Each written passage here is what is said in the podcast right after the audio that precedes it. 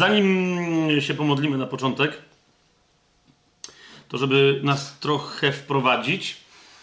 e, Jak pamiętacie, poprzednie dwa spotkania, nasze studium e, ty, tyczyły się najpierw e, dostrzeżenia, jak pew, pewne postawione już i egzekwowane w historii Kościoła tezy, de facto, jak się im dobrze przyjrzeć, i niekoniecznie o- tu nie chodzi o jakieś nie wiadomo jakie głębokie wejrzenie, po prostu dobrze się im przyjrzeć biblijnie, są nie do utrzymania, ponieważ e, są sprzeczne z całą biblijną myślą. W poprzednim spotkaniu patrzyliśmy na, na pewien kont, kontekst istotny dla tego, co cały czas chcemy rozważać, e, a co trochę prowokuje, zwłaszcza Paweł pewnymi swoimi fragmentami. A mówiąc ściślej, nie Paweł, tylko ludzie, którzy by chcieli mieć podstawę w tym, co rzekomo mówi Paweł.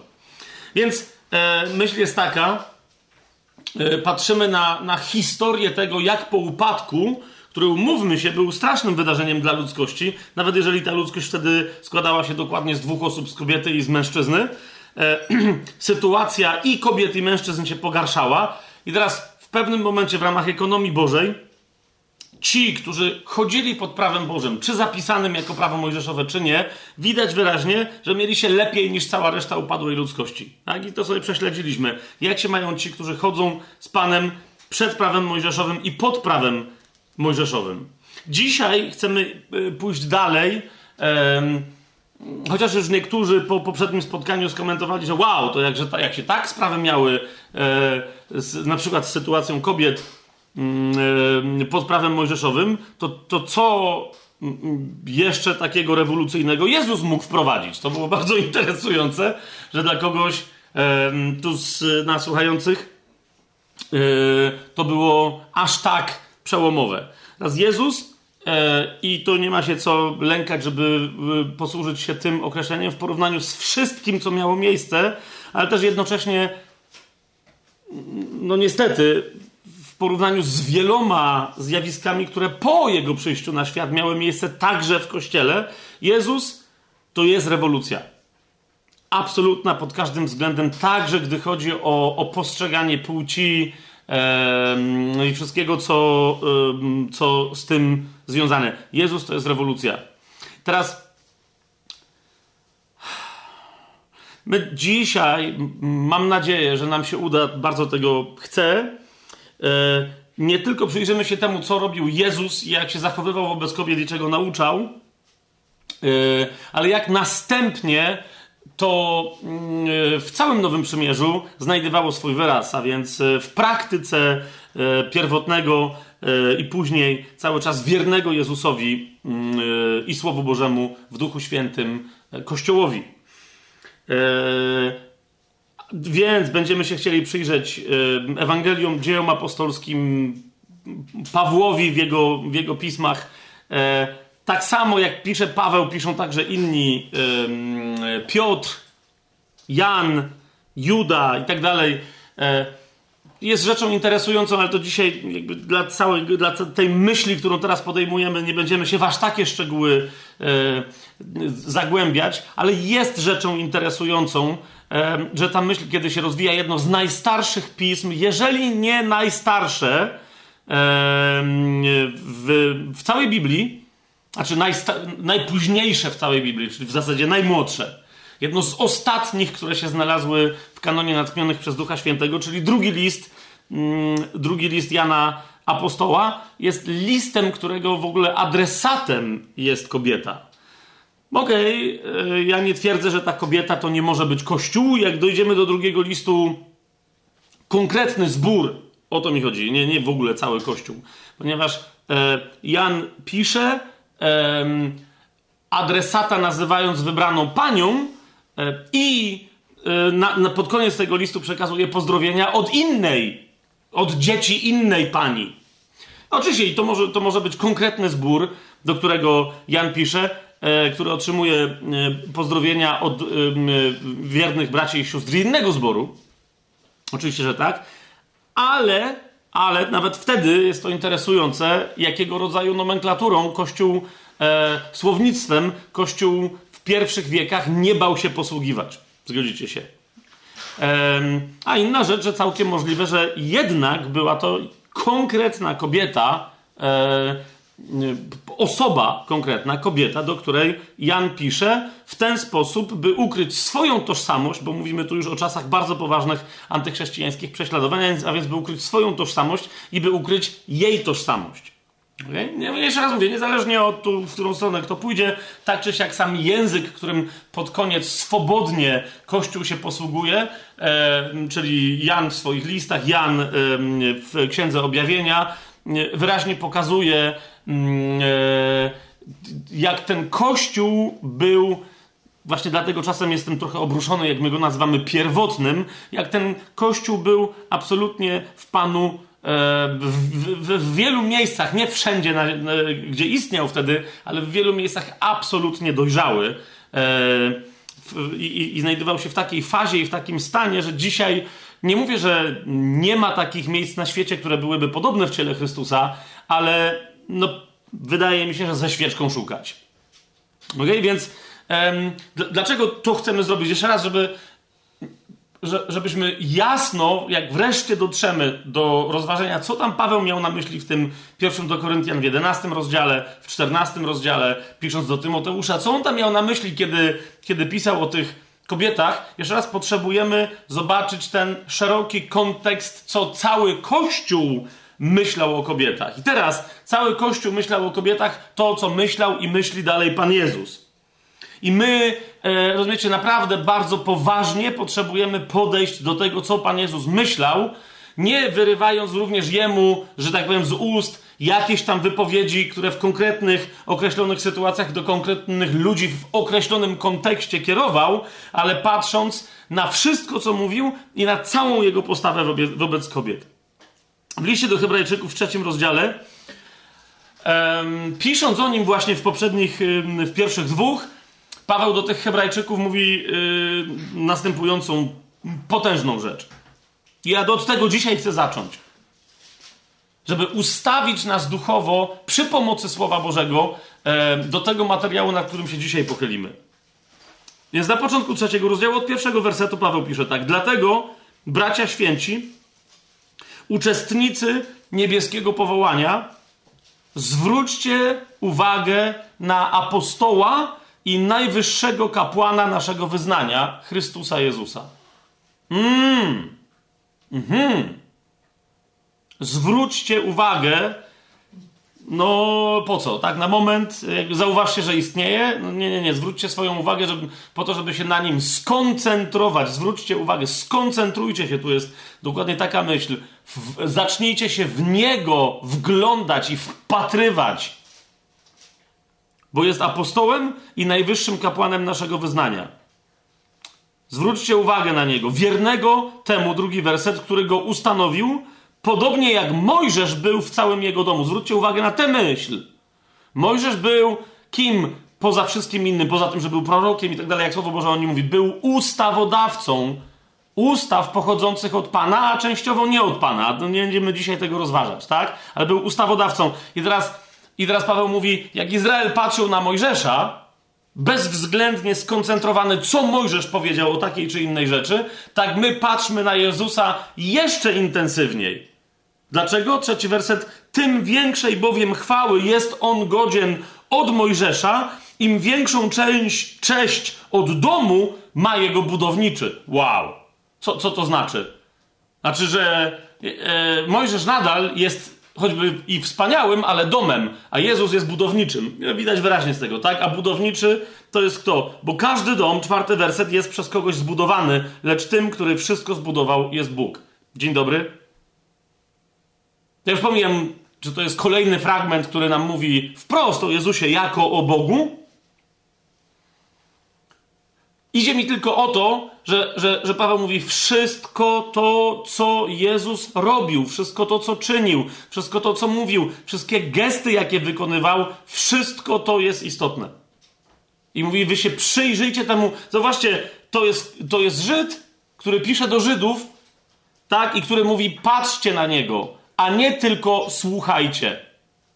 Ok? Pamiętajcie o tym, Żydzi, yy, Żydzi i, i, i uwielbiam ich za to i, i mówię halleluja, są ludźmi, którzy czytają i słuchają. Oni nie mają kultury obrazkowej. Od zawsze. Tak? Jak, jak tylko są Hebrajczykami. Od zawsze. A tu, w tym, tu w liście do, Hebra, do Hebrajczyków właśnie, w, w kontekście wszystkiego, kim był Jezus, co robił, nie tylko co powiedział, Paweł pisze: zwróćcie uwagę na apostoła i najwyższego kapłana naszego wyznania Chrystusa Jezusa. Po co? Po to, żeby całe nasze, nasze wyznanie było idealnym, jeśli tylko to możliwe, odbiciem tego, kim on był i kim on chce być w nas. Zaraz na samym początku tę zasadę podkreślam, tak? Ona zresztą, wiecie, aż do końca Pawłowi tego listu towarzyszy. Zauważcie, w 12 rozdziale e, po prostu bezpośrednio Paweł do, do tej myśli powraca, e, mówiąc, że podał w 11 rozdziale cały przykład, całą masę przykładów ludzi dla nas, przykładów ich wiary jest 12 rozdział, pierwszy werset listu do Hebrajczyków. Mówi: Skoro i my mamy wokół siebie tak wielką chmurę świadków, zrzućmy z siebie wszelki ciężar i grzech, który nas tak łatwo osacza. W cierpliwości biegnijmy w wyznaczonym nam wyścigu. Co robiąc? Skąd czerpiąc siłę? Patrząc na Jezusa, twórcę i dokończyciela wiary, który z powodu przygotowanej mu radości i tak dalej, i tak. Znowu, patrząc na Jezusa. Nie na zestaw doktryn, które sobie przygotowaliśmy teoretycznie na bazie tego, co Pan Jezus by chciał mieć w kościele. Bo coś tam powiedział, albo ktoś powiedział, że inny powiedział, że Jezus prawdopodobnie tak myślał. Nie, od początku do końca list do Hebrajczyków, którzy cały czas potrzebowali, byli kuszeni do tego, żeby odpaść od łaski i wpaść z powrotem pod prawo, zwłaszcza prawo mojżeszowe, Paweł cały czas im, ale przez nich także nam przypomina całemu Kościołowi: słuchajcie Jezusa i naśladujcie go, patrząc na wszystko to, co on robił i co on, uwaga, nadal robi. No nie jest tak, że on przyszedł, i poszedł, a my teraz gdzieś tam z góry przesyła nam specjalnymi radiostacjami przez specjalnych ludzi przekazywane, zaszyfrowane wiadomości. Nie, on żyje w tobie, siostrą żyje w tobie, bracią żyje we mnie, on żyje w nas. My, wespół w zespół, kiedy jesteśmy ze sobą zgodni, jesteśmy ciałem Chrystusa. Tak, czasem ta postawa, czasem ta postawa prowadzi. Um, do skutków, których nasze ciała nie chcą, nasze pojedyncze ciała, nasza cielesność i zmysłowość, ale nie zmienia to faktu, że nie ma żadnej innej drogi dla nas, jak tylko droga, którą jest Jezus Chrystus. A więc gdzie On jest, tam my mamy być. Cały list do Hebrajczyków, 13 e, e, rozdział, 13 werset, powiada: Wyjdźmy więc do Niego, do kogo? Do Jezusa który, jak 12 werset nam mówi, tego 13 rozdziału, y, który, aby uświęcić lud własną krwią, cierpiał poza bramą. E, 13 werset powiada, wyjdźmy więc do niego poza bramę, poza obóz, poza miasto, biorąc na siebie teraz jego pohańbienie. Nie mamy tutaj bowiem miasta trwałego, ale tego przyszłego szukamy. Więc żadne spolegliwości, żadne konszachty ze światem, żadne układy z kulturą, żadne porozumienia z aktualnie obowiązującymi jakimiś tam rzekomo rozwiniętymi trendami cywilizacyjnymi. Ta droga, którą dla nas jest Jezus, jest też prawdą, która jest obiektywna, ponieważ ta prawda jest obiektywnie istniejącą rzeczywistością. Chrystus jest rzeczywistością. I tylko przylgnięcie do tej drogi i do tej prawdy może nam dać życie, którym także jest Jezus. Amen? Więc również w kwestii e, kobiet w kościele i tak dalej, po prostu teza moja nadal jest taka sama.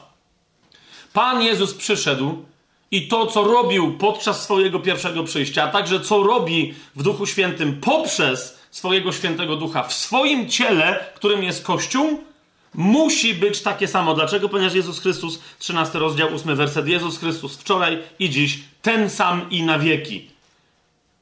Nie ma sensu żadnego, e, żeby się sprzeciwiać tak oczywistej tezie. Nie ma sensu żadnego, że Pan Jezus przyszedł i, co, co zaraz mam nadzieję zobaczymy, podniósł, nie wiem, podniósł kobiety, co i kobietom i mężczyznom pokazał, jak, na jakiej zasadzie są jedną ludzkością, a następnie, żeby 200 lat później w swoim kościele kazał robić z kobietami gorsze rzeczy niż nawet w prawie mojżeszowym. Nonsens. A więc musimy zobaczyć, co zrobił Pan Jezus i jak to, co zrobił Pan Jezus, zademonstrował Kościół. Po co?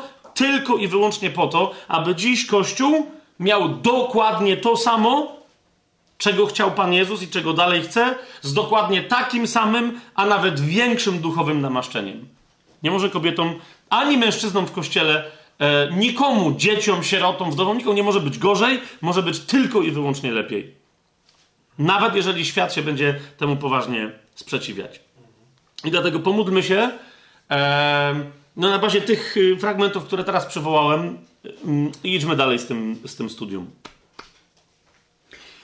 Ojcze, dziękujemy Ci, dziękujemy Ci za zgodę Twojej woli, z wolą Twojego Syna, z wolą Ducha Świętego, za to, że Wy to jesteś Ty, jeden święty, błogosławiony, Adonai, Elohim, Jahwe, który jest miłością. Dzięki Ci, Ojcze, za to, że posłałeś swojego syna, posłałeś swojego ducha, abyśmy w tej historii, w której my wszystko popsuliśmy jako ludzkość, popsuliśmy, bo też część duchów w swojej historii również wszystko popsuła, idąc za namową pierwszego buntownika, szatana, który też jest nazywany przez Twoje słowo diabłem. Dzięki Ci, że Ty cały czas miałeś i masz swój plan. I w tym planie nie ma mowy o tym, żeby którekolwiek z korony Twoich stworzeń, żeby ktokolwiek z ludzi, czy to ze względu na płeć, czy to ze względu na mm, rasę, czy to ze względu na swoje jakieś pochodzenie etniczne, czy to ze względu na dobrobyt albo brak dobrobytu, w jakim się wychował, żeby ktokolwiek miał w Twoich oczach być lepszy lub gorszy. Dzięki Ci, że dla nas wszystkich masz tak samo wspaniałe przeznaczenie, Panie, i wyrazem tego cudownego przeznaczenia w Twoim świętym duchu, przez przykład, moc i panowanie Jezusa Chrystusa jest dzisiaj Kościół, w którym, yy, który już dzisiaj ma być znakiem eschatycznym i eschatologicznym tego wszystkiego, co przyjdzie wraz z powrotem Pana Jezusa, ostatecznym powrotem Pana Jezusa na ziemię i z przyjściem widzialnym, śmiałym, mocnym, pewnym na zawsze Twojego Królestwa.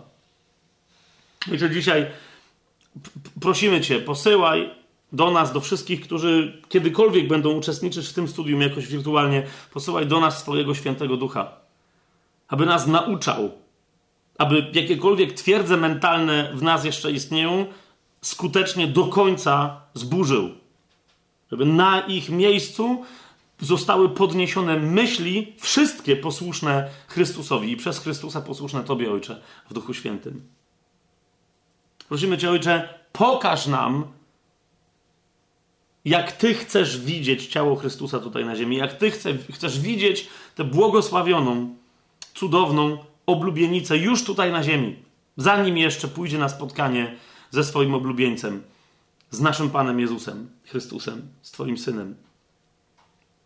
I Ojcze, nie tylko nas ucz, nie tylko nam to pokazuj, e, nie tylko nam uświadamiaj, jaka jest Twoja wola, ale też o, Ojcze, zbuduj w nas nieodpartą inspirację i chęć do działania, aby gdziekolwiek dostrzeżemy grzech, zawinioną i niezawinioną ignorancję w tych wszystkich kwestiach, o których będziemy mówić, błąd, wypaczenie, żebyśmy mieli, Panie, nieodpartą wolę, by nie czekać, ale natychmiast w miłości nie innych, ale siebie korygować.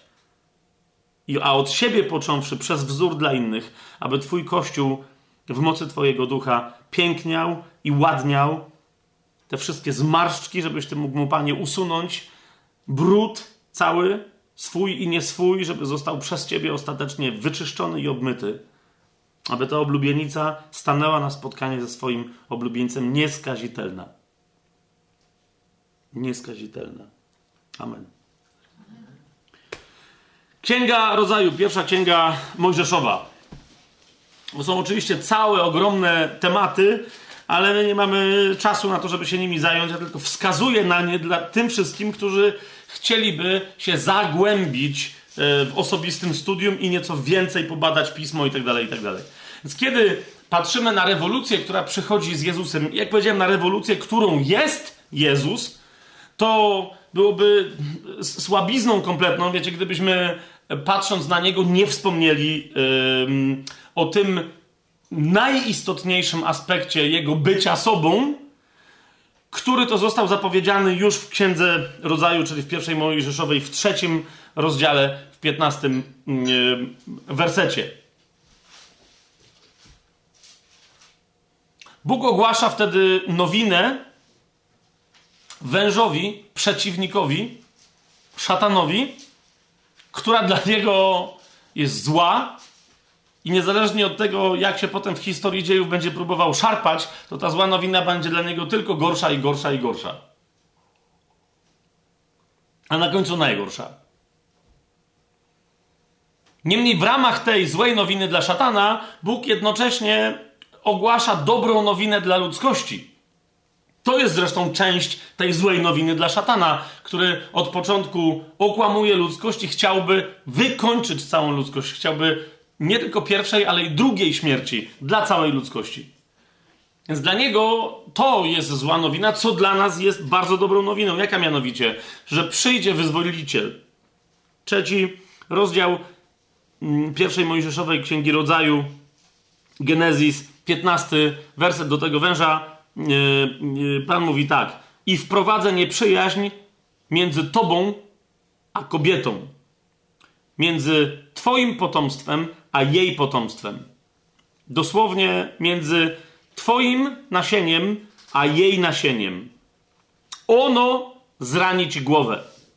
Znaczy uderzy cię w głowę śmiertelnie, a ty jedynie zranisz mu piętę.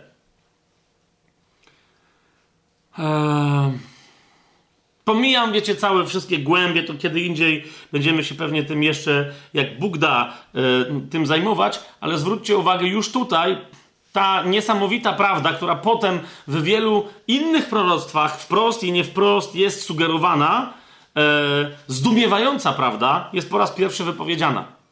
Mianowicie, że odkupiciel, wybawca, zbawiciel, Mesjasz, bo tu, bo to oni, tu jest, tu jest nasiono, nie nasienie, to jest liczba pojedyncza, jej nasiono konkretne, jedna konkretna osoba przyjdzie, to to będzie, ta, to, ta tożsamość tutaj jeszcze nie jest zdradzona, ale jedno jest pewne, że cała reszta historii pokazuje, że słusznym byłoby już tutaj zinterpretowanie, że ten ktoś będzie synem kobiety, ale nie będzie, czy synem, czy nie synem, będzie dzieckiem kobiety i tylko i wyłącznie kobiety, a nie mężczyzny. Zwróćcie na to uwagę. Jezus jest synem kobiety. Synem mężczyzny jest tylko, jak kiedyś przy genealogiach, jak o tym znacznie więcej e, perorowałem, e, synem e, mężczyzny jest tylko przez przybranie, jest tylko przez adopcję, która absolutnie ma, ma jakby jest skuteczna pod każdym względem. Jak mówię, dzisiaj tego nie będziemy rozważać, ale to właśnie stąd e, Pan Jezus ma, y, ma dwie, y, dwa różne rodowody.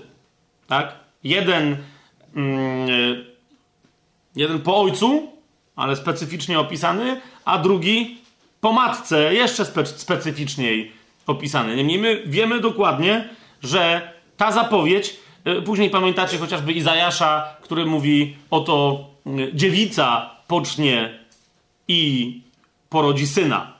A ja wiem, że tam są tłumaczenia, yy, niektórzy wręcz, że niewiasta, inni, że panna i tak dalej, i tak dalej, ale przy okazji Izajasza, z tego co pamiętam, żeśmy tam krótko na ten temat mówili, dlaczego tłumaczenie Izajasza oto dziewica, pocznie i porodzi syna jest jak najbardziej wskazane. No ale jeszcze raz, niezależnie od tych wszystkich starotestamentowych historii, e, częścią nawet dobrej nowiny, którą Paweł e, głosi poganom, jest co? Że Mesjasz przyszedł z kobiety. Okay? Więc samo jego pochodzenie jest wprost z kobietą związane i mężczyzna nie bierze w jego poczęciu e, udziału. To jest list do Galacjan, czwarty rozdział, czwarty werset. lecz gdy nadeszła pełnia czasu, Bóg posłał swojego syna, zrodzonego z kobiety, zrodzonego pod prawem. Widzicie to? Aby wykupił tych, którzy byli pod prawem, abyśmy dostąpili usynowienia. I potem rozwija to, że wszyscy, abyśmy dostąpili usynowienia. A więc samo przyjście Jezusa na świat ma już swoją wyjątkową specyfikę. Jeszcze raz, to jest cały, rozumiecie, cały osobny, powiedziałbym nawet ciąg wykładów i studium, żeby pokazać, jak to jest. No bo pomyślcie, pomyślcie sami. Nie wiem, czy kiedykolwiek się nad tym zastanawialiście, tak? I pytam się nie tylko tu obecnych, ale wszystkich, którzy będą e, e, kiedykolwiek tego słuchać i się nad tym zastanawiać. Zastanawialiście się, do czego to było Bogu potrzebne? Dziewicze poczęcie? Do czego, do, dlaczego Bóg tak to zrobił? Hmm? I teraz oczywiście y, jasne, pierwsza podstawowa myśl, no bo, no bo Pan Jezus musi być nowym Adamem. Ale nadal nie do końca to. Rozumiesz? Wiecie o co mi chodzi? Bo e, to, że on pochodzi. E, tylko, przyszedł na świat tylko przez kobietę, no, wszystkie kobiety i wszyscy mężczyźni pochodzą de facto od Adama, bo i Ewa była wyjęta z Adama. Tak? Więc pomyśl jeszcze raz. Cóż to za znak? I dlaczego Bóg od początku, i, i, Biblia w wielu miejscach, parę przynajmniej aspektów tego, tego niesamowitego Bożego podejścia e, ujawnia tym, którzy są pilnymi studentami i słuchają Ducha Świętego i czytają Biblię tak, jak ona jest napisana przez tego Ducha Świętego. Hmm? Zwróćcie uwagę na to, bo my tyle tego słyszymy, że wiecie, że tam, zwłaszcza jak e, nadciąga Boże Narodzenie, tak? Zwłaszcza w katolickich krajach, to wszyscy uważają, że już wszystko wiedzą. Jest tak oczywiste, że Jezus przyszedł, tak, przez kobietę, że, że poczęła go dziewica, że jakby, e, ale po, pomyśl, kto ile razy udzielał nam odpowiedzi w ramach tych wszystkich głoszeń na pytanie, dlaczego ojciec tak to wymyślił? Dla, dlaczego Bóg, cała trójca tak to obmyśliła? Hmm? I zaręczam wam, dzisiaj na to nie będziemy e, mieli czasu, ale zaręczam wam, że odpowiedź na to pytanie jest fascynująca, gdy chodzi e, między innymi, gdy chodzi o, o głębie tego ujawnienia Bożego Serca i tego, jak On widzi mężczyzn i kobiety. Mówię wam, wow. Teraz, jeszcze otwórzmy sobie Ewangelię Mateusza, pierwszy rozdział. O tym wspomniałem. E, rodowody wszyscy pamiętamy, ale Ewangelia Mateusza, pierwszy rozdział, 16 mm, werset. Dla tych, którzy by tam się pogubili w całych tych rodowodach, tylko przypominam, e, Mateusz, który pisze te Ewangelie dla Żydów. Musicie o tym pamiętać dla tych Żydów z czasów Pana Jezusa, którzy niezależnie od tego, co mieli napisane w piśmie, e, powymyśl, zdążyli już powymyślać swoje religijne zasady, zreinterpretować y, Torę i całą resztę dostępnego im wtedy Słowa Bożego, pojawił się już Talmud i tak dalej, i tak dalej.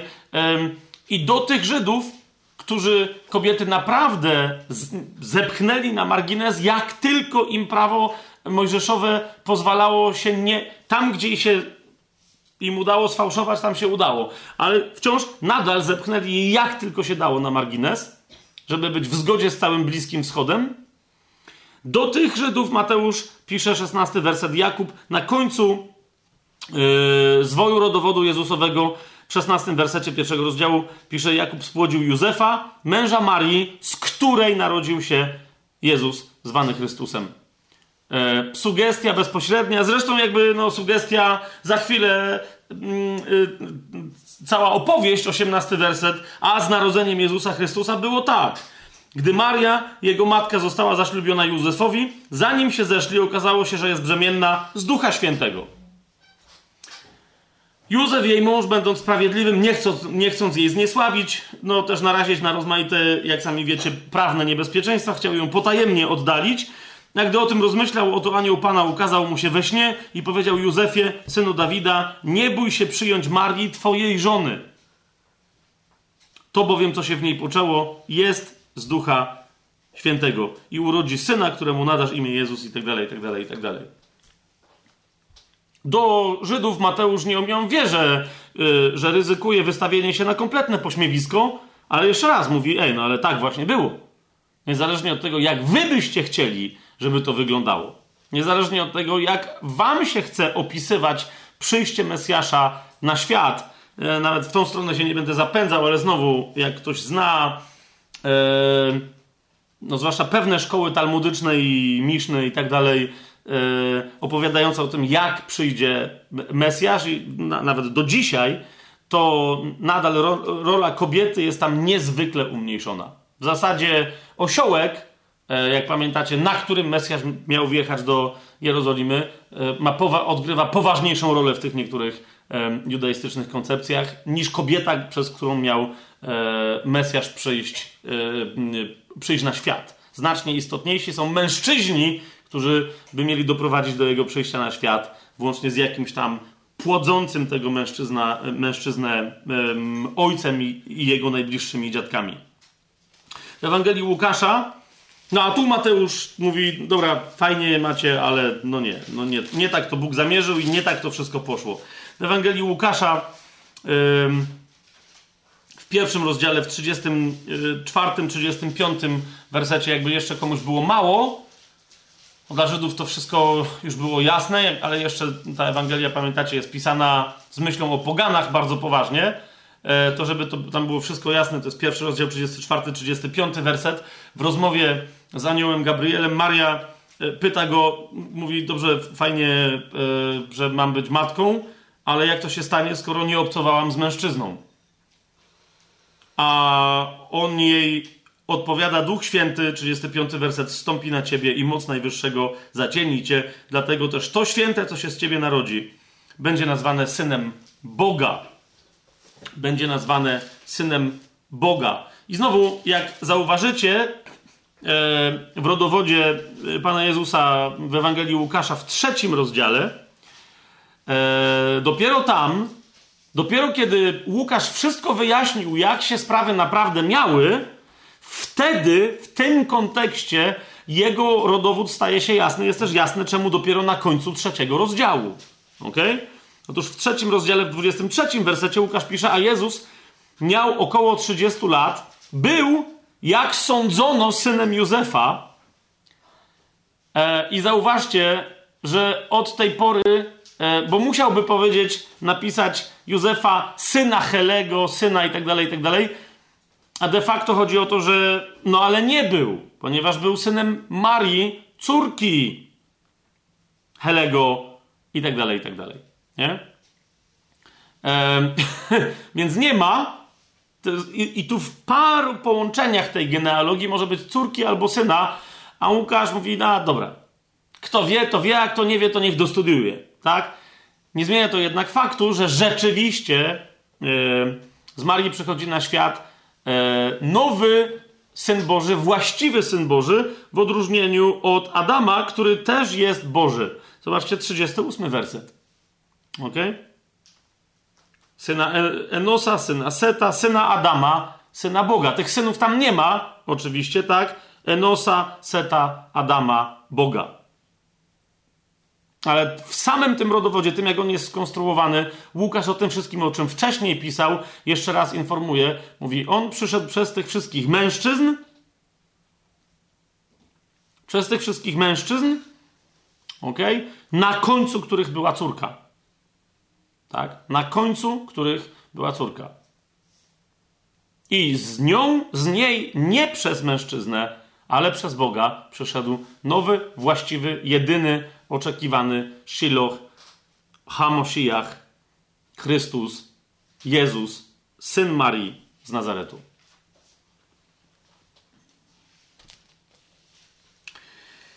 Um,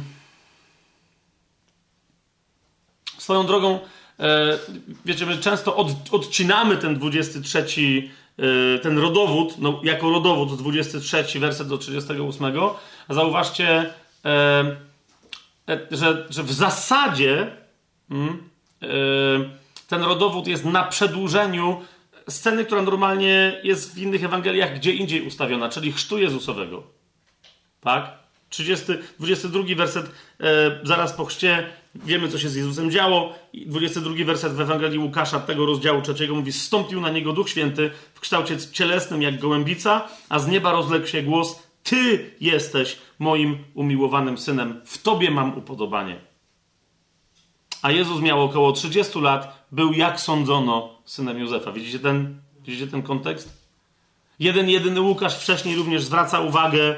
Yy, swoim rodzicom, ale zwłaszcza swojej matce. Nie mówi tego ojcu, bo już kto jak kto, ale ona powinna o tym wiedzieć. W drugim rozdziale Ewangelii e, Łukasza, 48 werset, pamiętacie, jak Jezus im się zgubił, a raczej oni go zgubili, jak go wreszcie znaleźli rozmawiającego z uczonymi w świątyni. Matka powiedziała do niego, to jest 48 werset, oto twój ojciec i ja z bólem szukaliśmy ciebie. A Jezus mm, odpowiada im: Czemu mnie szukaliście? Czy nie wiedzieliście, że muszę być w tym, co należy do mojego ojca?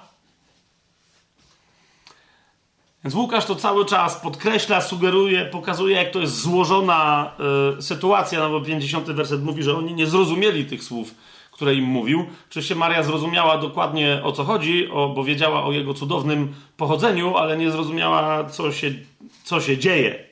Tak? Dlaczego Jezus mówi o Bogu jako o naprawdę swoim ojcu, nie kimś, kto spowodował w niej samopoczęcie, rozumiecie o co chodzi, ale kimś, kto naprawdę jest jego ojcem. Skoro już jesteśmy przy Marii w, tym, i w tej Ewangelii Łukaszowej, to jeszcze, jeszcze, na jeszcze jedną rzecz chcę wam zwrócić uwagę. Czasem, jak to są rozmowy z niewierzącymi, ciekawe, że oni są...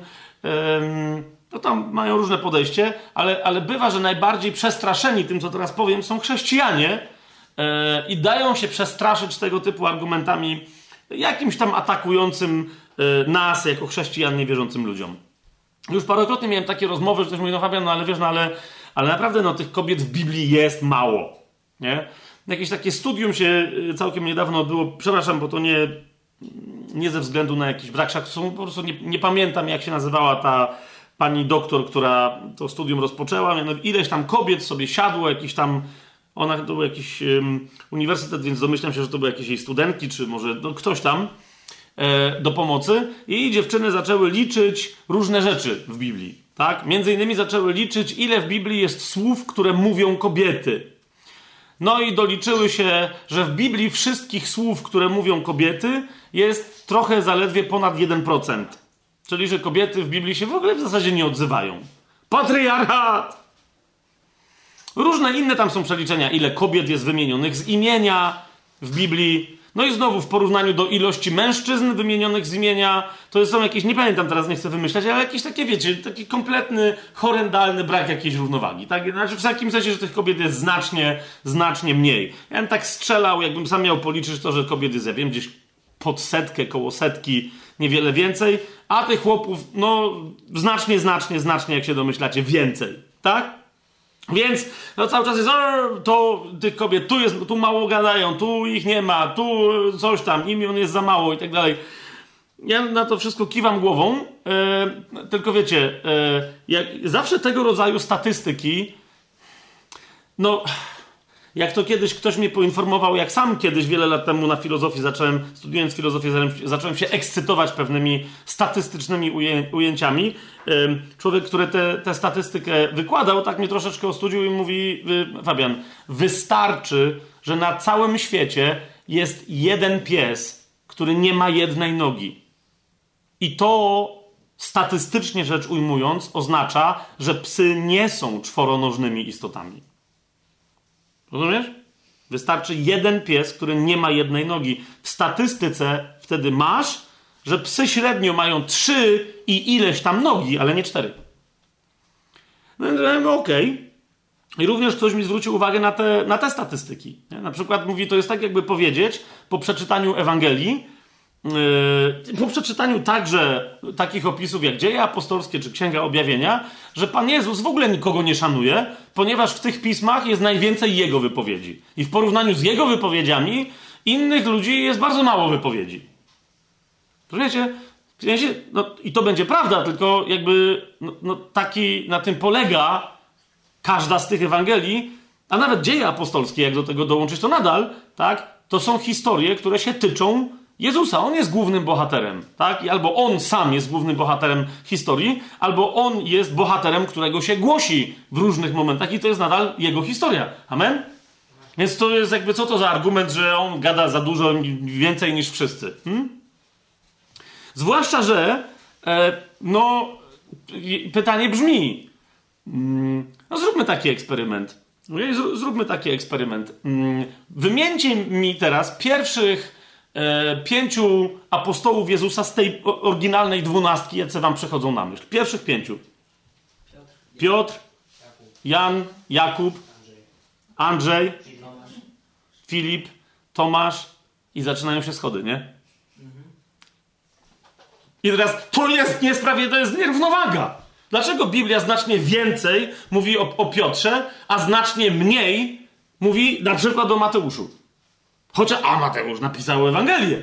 No i co tam się stało? No ale bo Mateusz to jest Lewi, no ale to nie napisane, nie opisane jako Mateusz. A jeszcze pomyśl o tych innych, których tutaj nie wymieniliśmy. Tak? Czyli chodzi mi o to, że w historii waga pewnych osób się liczy, a nie to, że są wymienieni. Tak? Mógłbym parę innych teraz przykładów, yy, mógłbym parę innych teraz przykładów podać. Yy, ludzi na przykład, którzy stoją pod krzyżem. Którzy są wymienieni z imienia i rzekłbym prawie, że z nazwiska. Tak? Ilu tam stoi, stoi facetów pod krzyżem? Możecie mi przypomnieć? O, i teraz jest jeszcze, czekaj, czekaj, kto tam stoi? No Jan stoi, tak? Jak, jak już mamy się temu przyjrzeć. A kobiety, no to kobietom się też przyjrzymy. Tak? Ale tych wszystkich facetów, którzy są przykładami patriarchatu jakiegokolwiek, pod krzyżem nie ma. Więc rozumiecie, dla mnie osobiście jest pytanie, co o kim jest powiedziane, a nie ile czego gdzie się znajduje. Ok? Jaka jest waga słów wypowiedzianych na czyjś temat? Ok? Jeżeli na przykład, no dobra, nie będziemy, ty, tylko tyle, bo to nie ma, nie ma co tego wyjaśniać, nie ma co tego tłumaczyć. Zgadza się? Otóż chcę na przykład odnieść się do, bo, bo będzie parę zaledwie takich rzeczy, ale powiedzcie mi, o kim gdziekolwiek w Biblii, ale zwłaszcza w Nowym Przymierzu, są powiedziane takie rzeczy, jak teraz sobie przeczytamy. To jest Ewangelia Łukasza, bo powiedziałem, skoro już tutaj zostajemy. Pierwszy rozdział, 28 werset. To jest spotkanie anioła Gabriela z Marią.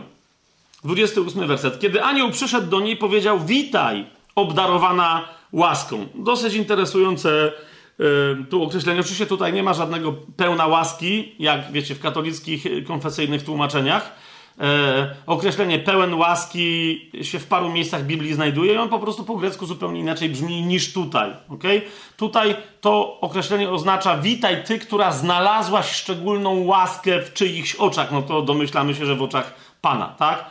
Nie napełniona łaską, tylko, tylko no, tu tłumaczenie jest tak dobre, jak się dało, żeby to było obdarowana łaską. Ale dosłownie chodzi o to, któraś znalazła e, obfitą łaskę u kogoś w czyichś oczach. Tak?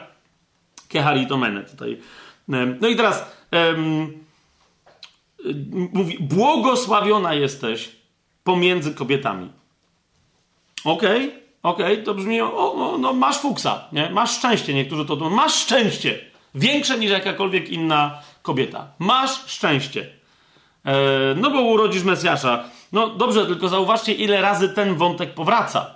Ok, 42 werset jak czytamy, e, jak czytamy, e, Elżbieta usłyszała zaledwie pozdrowienie Marii, została w tym momencie napełniona Duchem Świętym i pierwsze, co pod wpływem Ducha Świętego prorokuje, to mówi do Marii, błogosławiona jesteś między kobietami i błogosławiony jest owoc twojego łona. I w 45 wersecie Elżbieta powtarza, a błogo, mówiąc o Marii, a błogosławiona, która uwierzyła. Spełni się bowiem to, co zostało jej powiedziane przez Pana. Jest błogosławiona. Ale to, że jest błogosławiona między kobietami, sama Maria jeszcze raz powtarza, kiedy sama pod wpływem ducha prorokuje i mówi, bo ujrzał, wejrzał, to jest 48 werset, bo wejrzał na uniżenie swojej służebnicy, o sobie ona to mówi, oto bowiem wszystkie pokolenia będą mnie odtąd nazywać błogosławioną. Wow! A więc to ona nie jest błogosławiona między niewiastami, że ich się poszczęściło, no akurat Bóg łaskawym okiem na ciebie spojrzał, tak? Tylko ona czymś tam się charakteryzowała, co spowodowało ten wybór, tak? Wejrzał na uniżenie swojej służebnicy, to tak nawiasem mówiąc. Ona jest więc przykładem w ogóle fundamentalnej zasady w Biblii, że Bóg tym, którzy się korzą przed Nim, którzy się uniżają, Bóg pokornym łaskę daje. Amen? I ona jest fundam, im większe, im niżej się ktoś korzy, tym potężniej nie łaskę otrzymuje, bo Pan wszystkich tak samo chce obdarowywać, ale tym potężniej jest w stanie przyjąć łaskę.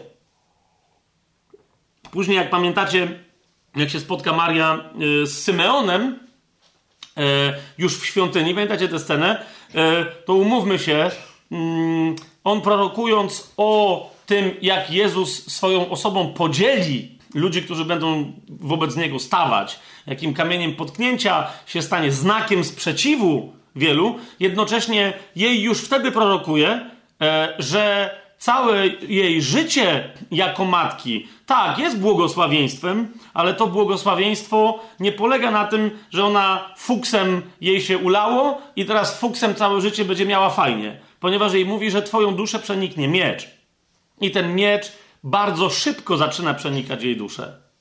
Wyobraźcie sobie matkę, która, wiecie, i tam te wszystkie opowieści, te, te, te katolickie łobroski, wiecie, z tymi mieczami, bo tam Matka Boska, chodzi, wiecie, tu, tu chodzi o jej e, cierpienie związane ze zmianą wyobrażeń, e, których była nauczana w synagodze i z tym, co się działo na jej oczach, ale jednocześnie błogosławieństwo z czego wynikało. Zaraz, okej, okay, zaraz to po, pokażę, bo to myślę jest ważne. Mm, jednocześnie nieustające ufanie Bogu. Tak? Jakby przyjmowanie, zaraz, co się dzieje? Czy to jest zgodne z Jego słowem, czy nie? I ona to porównuje ze Słowem Bożym i mówi, aha! Niezależnie od tego, jak bardzo to mnie wyrywa z tego, czego do tej pory uczyli mnie rabini, to to jest to. Ale ja już pomijając to wszystko, no wyobraź sobie, że jesteś matką, mówię tutaj do sióstr, bo tu braci, przepraszam, najmocniej jakby sobie może wyobrażać ślepy kolory, tak, póki nie przejrzy. Ale wyobraź sobie, że, że jesteś matką, albo nie jesteś matką, ale wyobraź sobie, nie wiem, że jesteś mężem kobiety, okay, której dziecko jest ścigane z taką nienawiścią, albo twoje dziecko jest ścigane z taką nienawiścią, że dzieci w konkretnym mieście, w całym regionie należącym do tego miasta, zaledwie nowonarodzone, roczne i dwuroczne, wszystkie są zabite, ponieważ ktoś chce trafić w twoje dziecko. Wiesz o co mi chodzi? To się zaczyna już wtedy. To się zaczyna już wtedy. Tak? Ostrzeżenia od razu cały czas czyhają e, na życie jej dziecka. Jej nie chodzi o nią samą. Jeszcze to dziecko rośnie i jest dziwne, jest coraz dziwniejsze.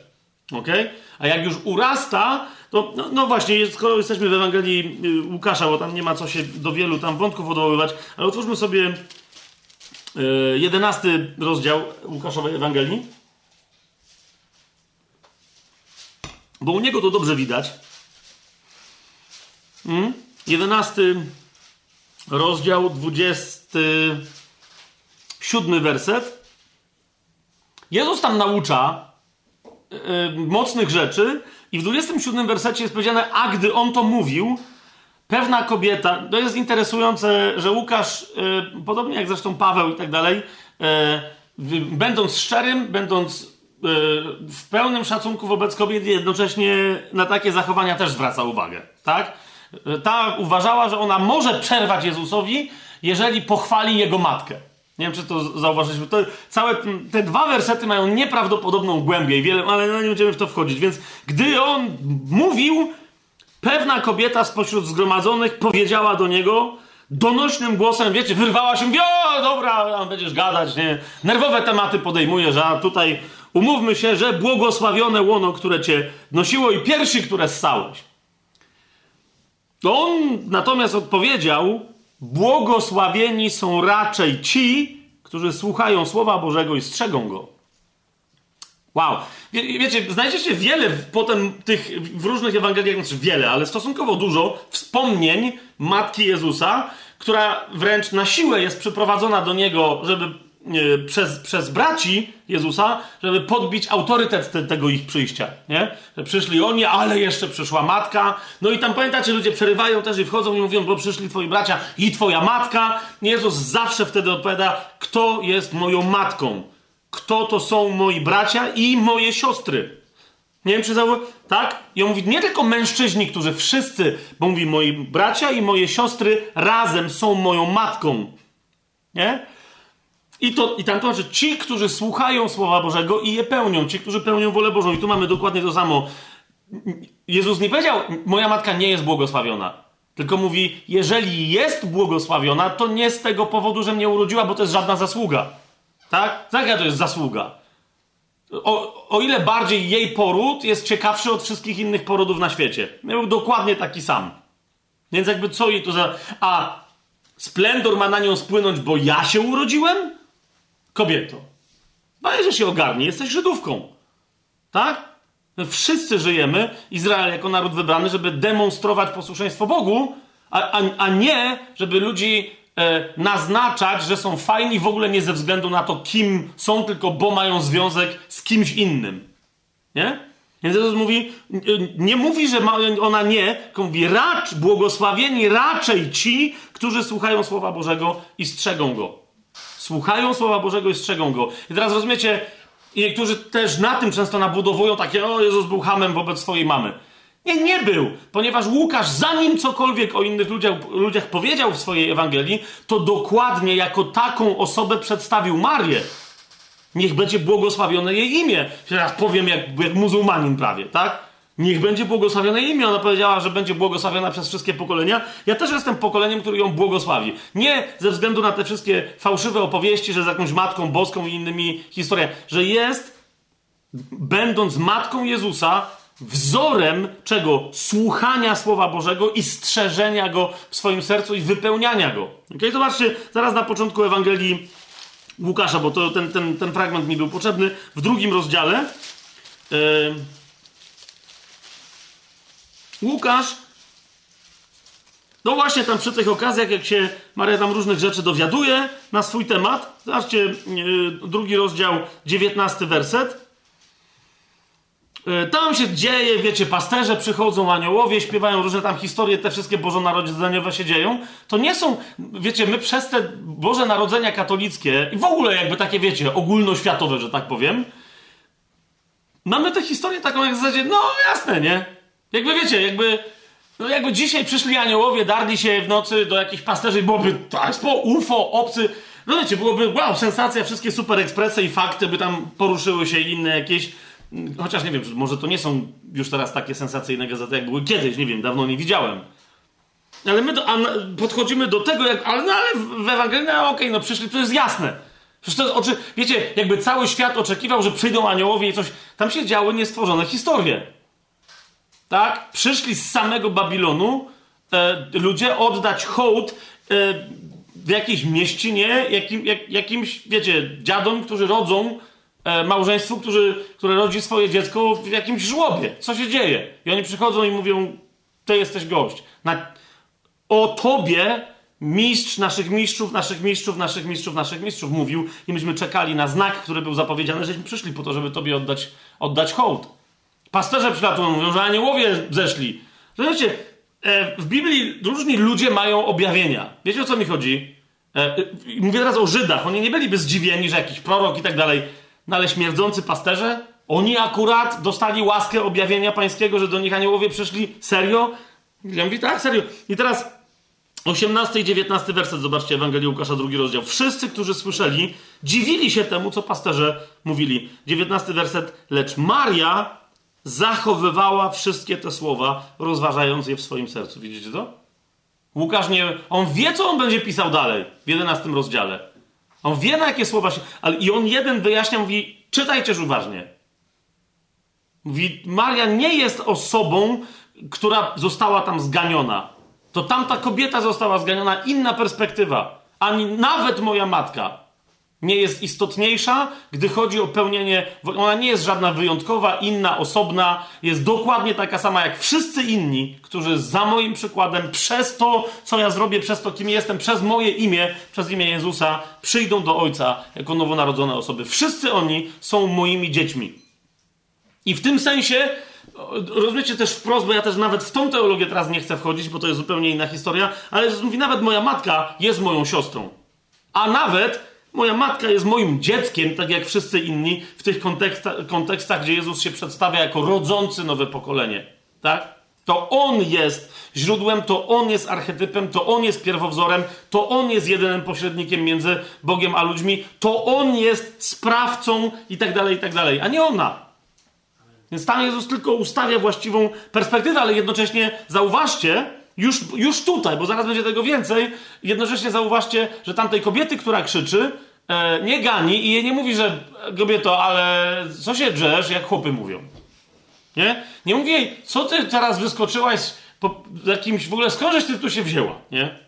Wiecie, do dzisiaj w synagogach żydowskich kobiety muszą, mają osobne swoje miejsce, mężczyźni odprawiają swoje wszystkie rytualne tam e, rzeczy, a kobiety, mm, kobiety nie.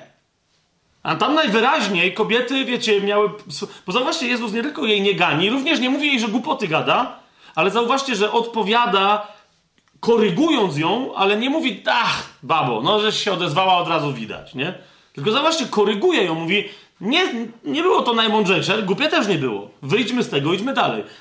Zauważcie, tak? I przy okazji dowiadujemy się jeszcze czegoś o Marii, o której swoją drogą w tym drugim rozdziale jeszcze raz, czyli tu jest ten dziewiętnasty werset, ale jest też następny, Zaraz po tym właśnie, jak w świątyni oni tam nie zrozumieli, co, o czym to Jezus mówi, w 51 wersecie jest powiedziane, że on po, wtedy poszedł z nimi i wrócił do Nazaretu i był im posłuszny, a jego matka zachowywała wszystkie te słowa w swoim sercu. Przyjrzyjcie się pierwszym, nawet trzem rozdziałom Ewangelii Łukasza, i, ale zwłaszcza tym dwóm fragmentom, gdzie jest powiedziane, że Maria zachowywała te wszystkie słowa w swoim sercu. I powiedzcie mi, od kogo Łukasz wie to, co wie, bo inni tych rzeczy nie opisują.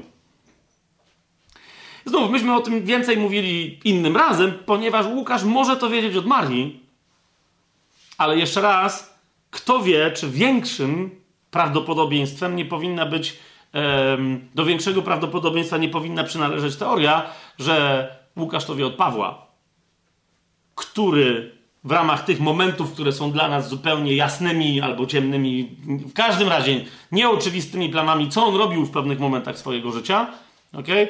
E, wędrował do Arabii, wiecie, on tam się plątał po różnych miejscach, gdzie my wiemy, że dobra, jak zobaczysz, gdzie musiał dojść, to widzisz też, gdzie szedł po drodze, tak? I zważywszy na to, jak wiele Łukasz czerpie u siebie i w swojej Ewangelii, i w dziejach apostolskich, jak wiele czerpie nawet języka i tak dalej, i tak dalej, e, jak po prostu widać, że jest wszystkiego nauczony przez Pawła głównie. Bardzo interesujący przyczynek do tego, kto mu, czy, czy Maria sama we własnej osobie, czy też Maria Pawłowi przekazała rzeczy, o których on następnie opowiedział Łukaszowi, chociaż myślę, że ona mogła być jeszcze wtedy, kiedy mm, mogła być, nie musiała, E, że tak powiem, dostępna i, i, i, pewnie chętnie by Łukaszowi, gdyby zapytał, podobnie jak wielu innym, opowiedziała o pewnych, o pewnych historiach, o których tutaj, o których tutaj czytamy. Teraz, jak już mówimy i, i o tym mówimy, że o, o, tym prawie głosu, jeszcze raz, miejmy świadomość tego, że, no właśnie, zacznijmy od tego, tak? Mamy tą kobietę, która tam coś krzyczy i Jezus, niezależnie od dziwaczności jej zachowania, Mm, Jezus jej odpowiada. Pamiętajcie, y, Ewangelia Jana, na przykład, jak ją sobie otworzymy, tak? Y, I gdzie Jezus spotyka się z Samarytanką, tak? To jest czwarty rozdział. Y, od szóstego do ósmego wersetu. Szósty, siódmy werset. Była tam studnia Jakuba, Jezus więc zmęczony drogą usiadł sobie na studni, a było około godziny szóstej. Swoją drogą zwróćcie uwagę na godzinę, ale idźmy dalej. Godziny są bardzo, bardzo istotne u, u Jana. E, co to za godzina jest e, u Jana? i, i w ogóle. Ale okej, okay, więc e, było około godziny szóstej i przyszła kobieta z Samarii, aby zaczerpnąć wody. Jezus powiedział do niej, daj mi pić. No dobra, i dalej jego uczniowie bowiem poszli do miasta, aby nakupić żywności, stąd wiemy, że on tam był sam z nią. Wtedy Samarytanka powiedziała do niego, jakże ty, będąc Żydem, prosisz mnie, Samarytankę, o coś do picia, ponieważ Żydzi nie obcują z Samarytanami. Pierwsza rzecz to jest Jezus, który łamie jedno bardzo konkretne tabu i rozmawia z kimś z Samarytan, tak? Po prostu bez żadnej e, żenady, że tak powiem, bez żadnego obciachu. Ale od 25 wersetu dalej dowiadujemy się innej rzeczy. Tak? Już, e, e, a mianowicie po pierwsze dowiadujemy się e, w 27 wersecie tego rozdziału, e, że dla Żydów tabu było nie tylko rozmawianie z Samarytanami, ale w ogóle przebywanie mężczyzny z kobietą i rozmawianie z nią. W jakich żeby celach? No i znowu Talmud tam wyjaśniał, że mężczyzna może przebywać z kobietą tylko kiedy to jest jego kobieta, to jest jego żona, córka, tam wnuczka i tak dalej, i tak dalej, do której ma w cudzym słowie pewne prawa, e, ale nie może tam sobie z obcą kobietą e, hasać. Tak? Tam jest zawsze w tych talmudycznych, wiecie, tam jest zawsze jakieś takie w tle, takie podejrzenie, jak zresztą w całym prawie, że ludzie są cieleśni i, i, i, i że na pewno zaraz pierwsze, co się stanie w każdej sytuacji, to będą korzystać z okazji tak? Albo na seks, albo na kradzież, albo na jeszcze tam jakieś inne historie, tak? Jezus, zauważcie, w swojej czystości, mimo że rozmawia z kobietą, o której się dowiadujemy, że mogłaby być uznana za dość rozwiązłą, tak? Nie dość, że Samarytanka, nie dość, że sama do tej studni przylazła, on jest też sam, to jeszcze Jezus wyraźnie pokazuje, że wie, że miała wielu mężów, a teraz nie żyje z mężem, tak? 27 werset, przyszli jego uczniowie i dziwili się, zauważcie, nie, że rozmawia z Samarytanką, ale dziwili się czemu? Że rozmawia z kobietą.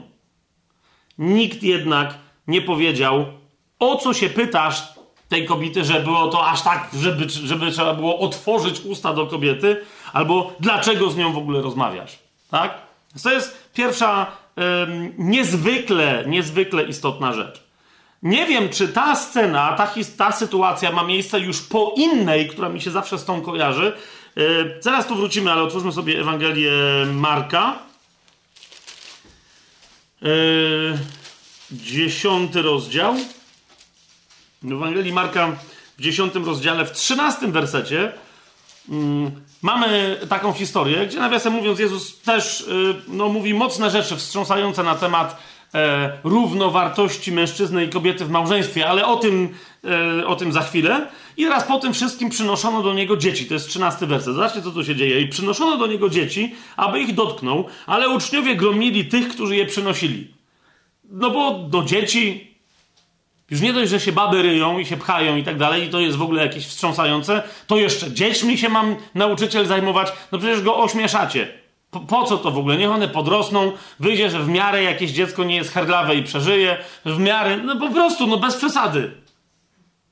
To wiecie, cała tam ta kultura, nawet Izrael, to było no dziecko, dobra, na razie jeszcze pff, jaką wartość sobą reprezentuje. I zobaczcie yy, Jezusa, gdy Jezus to zobaczył, oburzył się.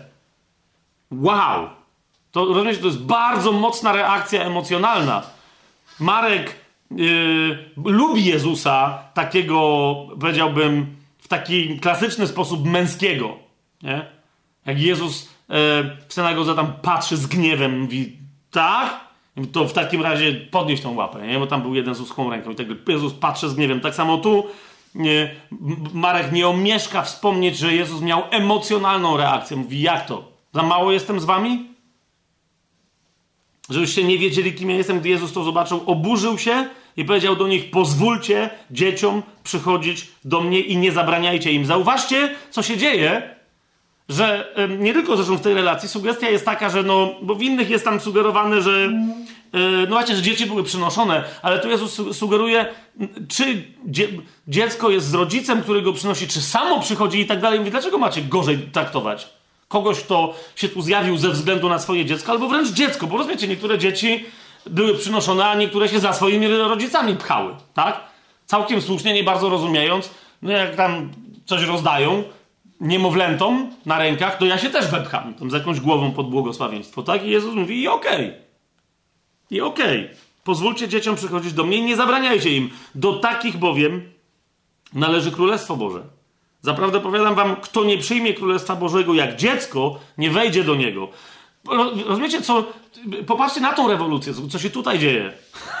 Jezus podnosi dziecko, którego, które zasadniczo e, dzieci i ryby głosu nie mają, tak? Mia, miało być niesłyszalne i niewidzialne. A Jezus nagle podnosi dziecko do rangi wzoru. Mówi, przyglądajcie się dzieciom. Jest, aha, naprawdę? Nie, nie, nie mam czasu teraz, żebyśmy się zagłębili, zaś wiecie, w sytuację dzieci nawet opisaną e, w Ewangeliach, ale zdajcie sobie sprawę, że Jezus, jak opowiada dziwne przypowieści, niezrozumiałe, odwraca rolę pewne i tak dalej, tego typu powiedzeniami wywoływał wstrząsy. No wiecie, rewolucja seksualna w 1960 latach jest niczym w porównaniu z tym, jak Jezus rozwalał jakieś tam reguły, które społeczeństwo przyjęło, że to wiecie, konserwatywne, nie? I on mówi, nie, wartość człowieka to jest reguła, a nie wasze ustalenia. I brał je na ręce, no to tu to już w ogóle, tak?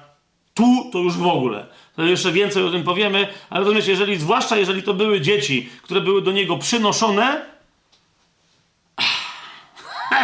to jest pytanie, no ale to prawdopodobnie kobiety przynosiły te dzieci. To przecież nie chłopy. Gdzie tam chłop się parał noszeniem dzieci, tak? To były kobiety. Teraz czyje kobiety? No na pewno nie Jezusowe, tak? Jakieś. Miały okres, czy nie miały? Czego się dotykały? Były koszerne, czy nie były? Rozumiecie, te, te myśli przebiegały, jeszcze o okresie sobie więcej o menstruacji powiemy, bo ani dla Jezusa, ani dla pierwotnego kościoła, ale też dla Żydów to nie był żaden temat tabu, jak dzisiaj jest, nawet dla najbardziej ekstremalnych, zradykalizowanych feministek. O czym za chwilę. Ale tu Jezus, wiedząc, co przejdzie przez myśl wszystkim, rozumiecie, tym, tym religijnym, zwłaszcza chłopom, brał te dzieci na ręce, bez ogródek. Nie tam, okej, okay, dobra, żeby nikogo nie gorszyć, ty, ty, stój tam, trzy metry dalej. Mm? Olga, a ja, no, przecież błogosławieństwo przechodzi przez coś tam. Nie, Jezus bierze na ręce, mówi, mm, mówię to, co mówię. I patrzcie, co robię. Brał je na ręce, a kładąc na nie ręce, dodatkowo błogosławił. Wyobraźcie sobie, jak trzymasz dziecko na ręce i kładziesz jeszcze ręce na to dziecko. Żeby nikt nie miał wątpliwości, to jest pełny dotyk. Co wy na to, faryzeusze? Hmm? No ale wracamy do tej Ewangelii Jana czwartego rozdziału. Więc rozumiecie, ja nie wiem, czy to było przed czy po tym, jak apostołowie zostali, mówiąc bardzo ładnie i delikatnie, zrąbani przez Pana Jezusa, żeby się ogarnęli i żeby dzieci dopuszczali, bo może z tego powodu w czwartym rozdziale, w 27 wersecie, przyszli jego uczniowie i dziwili się, że rozmawia z kobietą, ale już nikt nie ośmielił się zapytać, o co to chodzi. Tak? Bo no jak dzieci mogą przychodzić, to może i kobieta może przyjść. No wie to, to, to przecież to jest dziwny człowiek.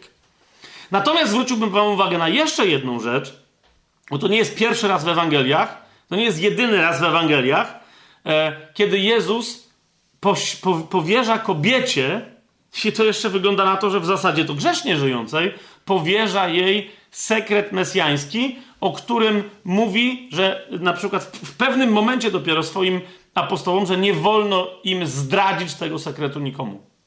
Czyli, że jest Mesjaszem.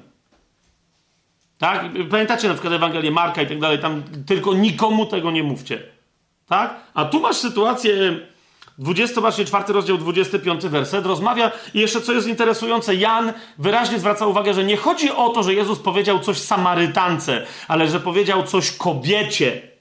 25 werset, czwarty rozdział Ewangelii Jana, 25 werset. Kobieta mu powiedziała, wiem, że przyjdzie Mesjasz zwany Chrystusem. Gdy On przyjdzie, oznajmi nam wszystko. Jezus jej powiedział: Ja, który mówię z Tobą, nim jestem. I jeszcze raz, rozumiecie, nie powiedział: To ja jestem. Ale zwróćcie uwagę: Ja, który mówię z Tobą, nim jestem. Z Tobą, kobieto. Widzicie to? Zwracajmy uwagę, kiedy czytamy Słowo Boże, na wszystkie słowa. Z, bo, bo, po prostu jestem gotów się założyć, że wielu nigdy nie. Dlaczego Jezus mówi taką rzecz? Bo on, był poetą i nie mógł normalnie, barokowym i nie mógł normalnie powiedzieć to ja. Nie, nie, nie. Mówi, nie wiem, widzisz, on, nie, on ją informuje, cały czas ją tu informuje. Twoje wyobrażenia na temat tego, kto to jest Bóg, na czym polega zbawienie, kim jest Mesjasz, są, no bo jesteś Samarytanką, trochę pokrzywione, tak? Ale także to jest niezawiniona e, ignorancja twoja, no są pokrzywione przez to, co jest ci głoszone. I ewidentnie poza wszystkim innym, poza tym, że Jezus się przyznaje, ja jestem Mesjaszem, mówi do niej, ja jestem Mesjaszem i zobacz, co robi Mesjasz. Rozmawia z tobą, choć jesteś kobietą. I jeszcze raz, 27 werset, który po tym 26 następuje, właśnie dokładnie o tym mówi, że tak, należy na to zwrócić uwagę. 25 werset, kobieta. 26 werset, Mesjasz, który rozmawia z kobietą. 27 werset, przyszli jego uczniowie i dziwili się, że rozmawia z kobietą. Hmm? I dalej mamy 28 werset. I zostawiła kobieta, nie ona, nie zauważcie, Jan, który bardzo dba o słowo, jeszcze raz podkreśla, i zostawiła kobieta swoje wiadro. A nie wiem, czy kiedyś na to zwróciliście uwagę, że ona zostawiła swoje wiadro. Patrzcie, od czego ta historia się zaczyna w czwartym rozdziale. Siódmy werset i ósmy werset. Daj mi pić, mówi Jezus. E, I dziewiąty werset. Hmm? Jakże ty, będąc Żydem, prosisz mnie, Samarytankę, o coś do picia? Gdybyś znała ten dar Boży i wiedziała, kim jest ten, który ci mówi, daj mi pić, ty prosiłabyś go, a dałby ci wody żywej. I powiedziała do niego kobieta, panie, nie masz czym naczerpać, a studnia jest głęboka. Skąd więc masz tę wodę żywą? Nie masz czym naczerpać. Ja mam wiaderko. Woda żywa oryginalnie, wiecie, bo my znowu mamy religijny język i to jest... Woda żywa, to jest, to jest coś duchowego. Woda żywa tam oznaczała wodę płynącą, świeżą wodę, nie zastałą gdzieś wodę, tak? Jak Filip przejeżdżał z eunuchem, dzieje apostolskie mówią, że przejeżdżali obok jakiejś wody. Jakby to był strumień albo rzeka, że to, by, to, było, to było wyraźnie powiedziane, że obok żywej wody przepływa, przejeżdżali. A tam była jakaś woda, no jakieś tam bajoro. Może nie, może jakieś jeziorko, ale żywa woda to jest woda płynąca, która jest czysta z tego powodu, że jest płynąca. Rozumiecie?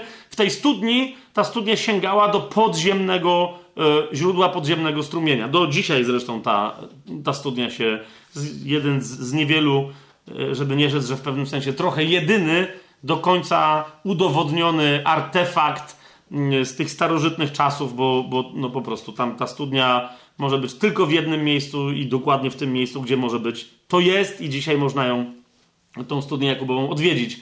E, tylko trzeba przyjść do i, i, znaleźć czas, że będzie jakiś mnich, którego akurat ostatniego nie zabiją tamtejsi terroryści. Jak jest tam ten mnich, w, bo to jest cerkiew prawosławna, trzeba tam zaczekać na godziny, kiedy on w ogóle jest w tej cerkwi, potem trzeba w tej cerkwi zejść do piwnicy. W tej piwnicy nie, trzeba dojść do miejsca, bo wiecie, poziom tej cerkwi, a, a poziom oryginalnej studni jest gdzie indziej, ale no, jest to jasne, że to jest studnia Jakubowa, tak? To jest studnia nie wykopana w ziemi, tylko wykuta w skale tam parę dziesiąt e, metrów, więc e, nie, nie, ma tak, żeby ludzie sobie wtedy, wiecie, przesuwali studnie w tej i we w te i teraz nie wiadomo, która to jest. To jest ta studnia. No i rzeczywiście woda tam do dzisiaj jest bardzo smaczna i dobra. To jest żywa woda, tak? Więc zauważcie, e, Jezus przeprowadza tę kobietę, e, toczy z nią uczciwą, poważną, teologiczną rozmowę. Jeszcze zauważcie, jesteśmy po trzecim rozdziale, w którym Jezus prowadzi uczciwą, teologiczną rozmowę z Nikodemem, faryzeuszem, który się ukrywa z tym, że rozmawia z Jezusem i niczego nie rozumie. Więc zobaczcie, no, spójrzcie też na to. Tak? On niczego nie wie, o co się dzieje. Jezus mu tłumaczy powoli. Mówi, no to ty, nauczyciel w Izraelu, a tu Jezus rozmawia z kobietą, z Samarytanką i przeprowadza ją do czystości wiary w siebie jako Mesjasza. Znaczy on, on, ona to mówi, no to nie masz wiaderka, to czym ty mi naczerpiesz tej wody? I ona przyjmuje od niego autentycznie tę wodę w taki sposób, że na końcu zostawia swoje wiaderko i mówi, ten gość naczerpał mi wody. Nawet fizycznie to demonstruje. Przyszła po wodę, a, a, a, a, biegnie ze swoim zaspokojonym pragnieniem i co dalej robi? Głosi Ewangelię o Jezusie, który jest Mesjaszem. Nie będziemy teraz tego dalej y, rozwijać, tak? Ale zobaczcie, co tu się, co tu się wydarza. Jezus rozmawia z kobietami, daje. On w ogóle to nie, zauważcie, to nawet nie jest tak, że on im udziela prawa głosu. On sam zaczepia. No on wiesz, ona się nie odzywała. No siedzi Żyd, nie wiadomo co jest grane. Ojejku, no studnia należy do wszystkich, co się naczepia. Ona go nie zaczepiała, ona nic od niego nie chciała. To on ją zaczepił. To on się do niej zwrócił. I nie powiedział jej, że jej teraz nadaje specjalne prawa i że on tu nic. Nie, po prostu uważał, że jest rzeczą normalną, że może mężczyzna rozmawiać z kobietą, a kobieta z mężczyzną. Bo ma konkretny cel. I przyniósł, zauważcie, jaki przyniósł fantastyczny owoc. Zauważcie, nauczanie w Ewangelii Jana na temat ostatecznego żniwa znajduje się dokładnie w tym rozdziale. Dokładnie po tym, jak na słowo tej kobiety uwierzyło całe miasteczko samarytańskie i wszyscy przyszli do Jezusa. I potem wyznali wiarę w Niego jako w Mesjasza, mówiąc już nie dzięki Twojemu słowu w to wierzymy. Ale przyszli, wyraźnie dając świadectwo, że na jej słowo przyszli na początku. Cały czwarty rozdział, zobaczcie, co, co tu się dzieje. Okej? Okay? Y, Ewangelię Łukasza sobie otwórzmy, siódmy rozdział. Idziemy dalej, bo tu ja się ekscytuję tym niesamowicie, ale jeszcze raz, my czytamy, wiecie, czytamy Nowy Testament, Ewangelię i tak dalej, pewnie dlatego, że niektóre fragmenty słyszeliśmy po wielekroć, no po prostu przechodzą nam mimo uszu, e, a, a tam w każdym zdaniu znajduje się coś absolutnie świeżego, niesłychanie rewolucyjnego. Siódmy rozdział, e, jedenasty werset. No właśnie, kolejne. Chcę wam to pokazać właśnie dokładnie to, że Jezus nie musi nawet kobietom niczego nadawać. On całym sobą pokazuje, mówi, jak my, jak ja teraz nadam kobietom prawo do głosu, do przebywania z mężczyznami, do traktowania na równi, to nadal będzie, no ale to chłopy to dały. Mówi, nie ma czegoś takiego. To po prostu nie ma. Je, to, to, po prostu nie ma czegoś takiego. Nigdzie w Biblii nie było. Więc zobaczcie siódmy rozdział, jedenasty werset. I dalej. A nazajutrz udał się do miasta zwanego Nain i szło z nim wielu jego uczniów i mnóstwo ludzi. No, uczeń, uczniowie, cała szkoła, sensacja, sława, celebryta, masa ludzi, żeby było jeszcze więcej świadków. A gdy zbliżył się do bramy miasta, właśnie wynoszono zmarłego, jedynego syna matki, która była wdową. Bardzo istotne, jedynego syna yy, matki, no ale okej, okay, idźmy do jedynego syna matki, która była wdową. Towarzyszyło jej też mnóstwo ludzi z miasta. No to to już w ogóle. Masz po prostu zderzenie dwóch ogromnych tłumów, tak? Kiedy Pan ją zobaczył, ulitował się nad nią, zauważcie co się dzieje, i powiedział do niej, zanim pójdziemy gdziekolwiek dalej, masz gościa, który rozmawia z kobietą, która prawdopodobnie jest zanieczyszczona, bo, bo wyobraźcie sobie matkę, która się nie dotknęła mar swojego syna którego wynosili. Wiecie o co mi chodzi? Te, te, po prostu, no ale co jej tam zależało, tak? I on do niej podchodzi i zaczyna z taką niekoszerną wdową, przeklętą, no bo to musiał być poza wszystkimi innymi rzeczami, została sama, cena jej odebrali, aha, hmm? aha, coś musi być na rzeczy. A Jezus podchodzi i się pierwszy do niej odzywa. Na oczach tych dwóch tłumów. Chodzi mi o to, że to, zdanie, to, to jest rewolucja. Gdyby nie nieprawdopodobna charyzma, siła, nieporównywalna z czymkolwiek, duchowa Jezusa, to oni tam mogli w tym momencie jego i ją, rozumiecie, ukamienować na miejscu. Tylko, że Jezus do niej podszedł, no i teraz dzieją się rzeczy, tak? Ulitował się nad nią. Kto by zwracał uwagę w Izraelu na, na wdowę, rozumiecie? E, co, co trzy lata idzie dziesięcina, ktoś tam się nią zajmie. Nara. Nie? Musi mieć swoje za pazurami, jak jej jedyny syn umarł. Po prostu to by było tyle. A on się ulitował nad nią, powiedział do niej: Nie płacz. to jest to. I w odróżnieniu od wielu innych facetów, nie tylko powiedział, żeby nie płakała, ale spowodował, że źródło, przyczyna płaczu zniknęła. Mówi: Nie płacz. Potem podszedł, no i tu już w ogóle, zobaczcie, co, co Jezus wyprawia, tak? Gada z wdową. Co go to w ogóle obchodzi? Podszedł i dotknął mar. I ci, którzy je nieśli, stanęli. No właśnie, bo by go tam nikt nie posłuchał. No ale zaraz co tu Jezus robi? Zanieczyszcza się totalnie. Tak? Dotyka się czegoś, czego dotknął się zmarły. I Jezus jakby całą, rozumiecie, cała ta scena pokazuje, czemu, kto, co wam odrąbało w tych głowach, że zaczęliście kobiety traktować jakby zaciągały nieczystość tak, jak zaczysta nie, za, zaciągają nieczystość zwłoki. Co wam się stało w głowy? Rozumiecie, on po prostu wie, że będzie coś mówił, e, coś gadał i tyle, pogadał i poszedł. W momencie, kiedy Żyd coś robi, to mówi, to jest, to jest, to jest moje oświadczenie. Co wy na to? Co wy na to? Na oczach tych wszystkich ludzi. Ta kobieta jest czysta i ja go dotykam. I, I dlaczego? Bo jest czysty. Dlaczego? Bo wam się tylko wydaje, że umarł. Ja jestem życiem. Życie zwycięża śmierć. Śmierć jej nigdy nie ogarnie, ciemność nie ogarnie światłości. Dotknął, mar i powiedział, młodzieńcze, mówię ci, wstań, a ten, który był martwy, usiadł. To jest dokładnie ten jeden cud, który, jak niektórzy żartują, Panu Jezusowi nie wyszedł. On powiedział młodzieńcze, wstań, a on usiadł. Trochę nie za bardzo od razu posłuchał, tak? Młodzieńcze mówię ci, wstań, ten, który był martwy, usiadł i zaczął mówić i uważajcie, co się dzieje i oddał go jego matce. Następna rzecz, nie wziął go sobie. Jak nie wiedział, teraz ja mam prawa, coś tam. Nie powiedział teraz, no jak coś mężczyźni, może by się zajęli, bo przecież dajcie spokój, no widzisz, matka. Tak? Nie, nie. Oddał go jego matce. Najwyraźniej on był jeszcze, nie wiem, niepełnoletni, coś tam się działo, nie, nie wiemy, co się tu dzieje, ale e, wyraźnie zademonstrował, w tym wszystkim nie było jej winy. Wara wam od niej, idźcie do domu, uspokójcie się. Jezus da, nie udziela prawa żadnego głosu, w cudzysłowie, kobietom, tylko demonstruje, że mają to prawo. Po prostu. W Ewangelii Marka y, w 12 rozdziale, w Ewangelii Marka w 12 rozdziale, w 41 wersecie i dalej, Jezus dokonuje w ogóle szokującej rzeczy. Siedzi przy świątyni, Swoją drogą, wiecie, to jest, widzisz, widzisz, to jest być uczniem Jezusa, nie? Jezus tam siedzi, coś patrzy i nikt nie wie, co się dzieje. Na coś tam patrzy, a uczniowie muszą też patrzeć, no bo za chwilę on coś powie i oni muszą zajarzyć, co się dzieje, no bo tak? Na szczęście w tym wypadku Jezus w miarę zrozumiałą rzecz powiedział, tylko że niesamowicie bulwersującą. Czyli to jest 12 rozdział Marka 41 werset i dalej. A siedząc, siedząc naprzeciw skarbony, Jezus przypatrywał się, jak ludzie wrzucali do niej pieniądze. No i teraz wiecie, nie wiemy, nie wiemy jak długo. To jest to. To nie ma tak, że wiesz, uczeń Jezusa słucha, co Jezus mówi. No to nie był grecki nauczyciel. On nawet nie chciał mówić, chodźcie za mną. Nie, on po prostu robił pewne rzeczy. I oni musieli go cały czas obserwować. Teraz wyobraź sobie, Jezus siedzi przy świątyni i patrzy, jak ludzie wrzucają pieniądze. No i teraz myśl jest, no nie taka, że jakby co się dzieje, no nie w sensie Zastanawia się, jak tu buchnąć sprawę, czy jakby ile wrzucić. Co, no rozumiesz, no po co, co się tam dzieje? A on wie, bo jest mistrzem, jakiego nie było. Yy, przypatrywał się, jak ludzie wrzucali do niej pieniądze. Wielu bogaczy wrzucało wiele. Przyszła też pewna uboga wdowa i wrzuciła dwie drobne monety, czyli kwartnik.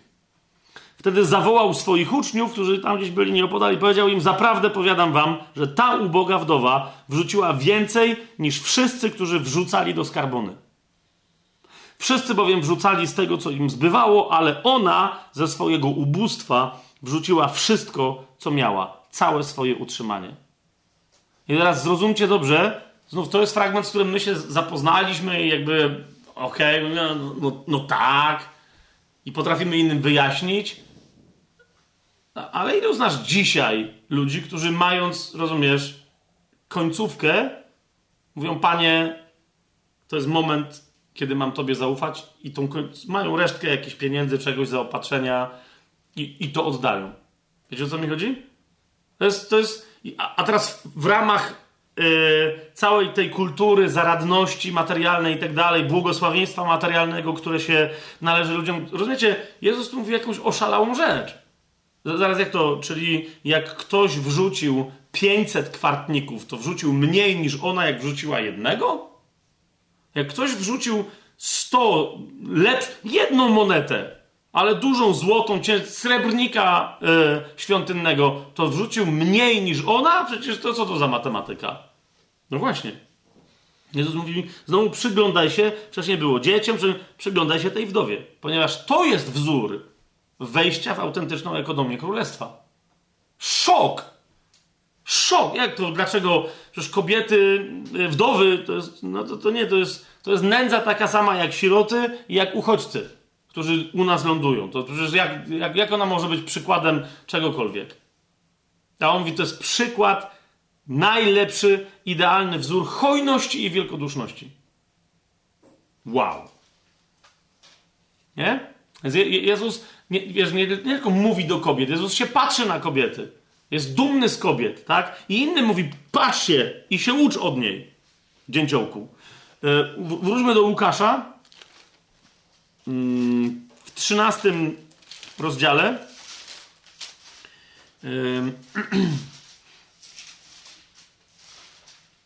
Tu się dzieją. Ho!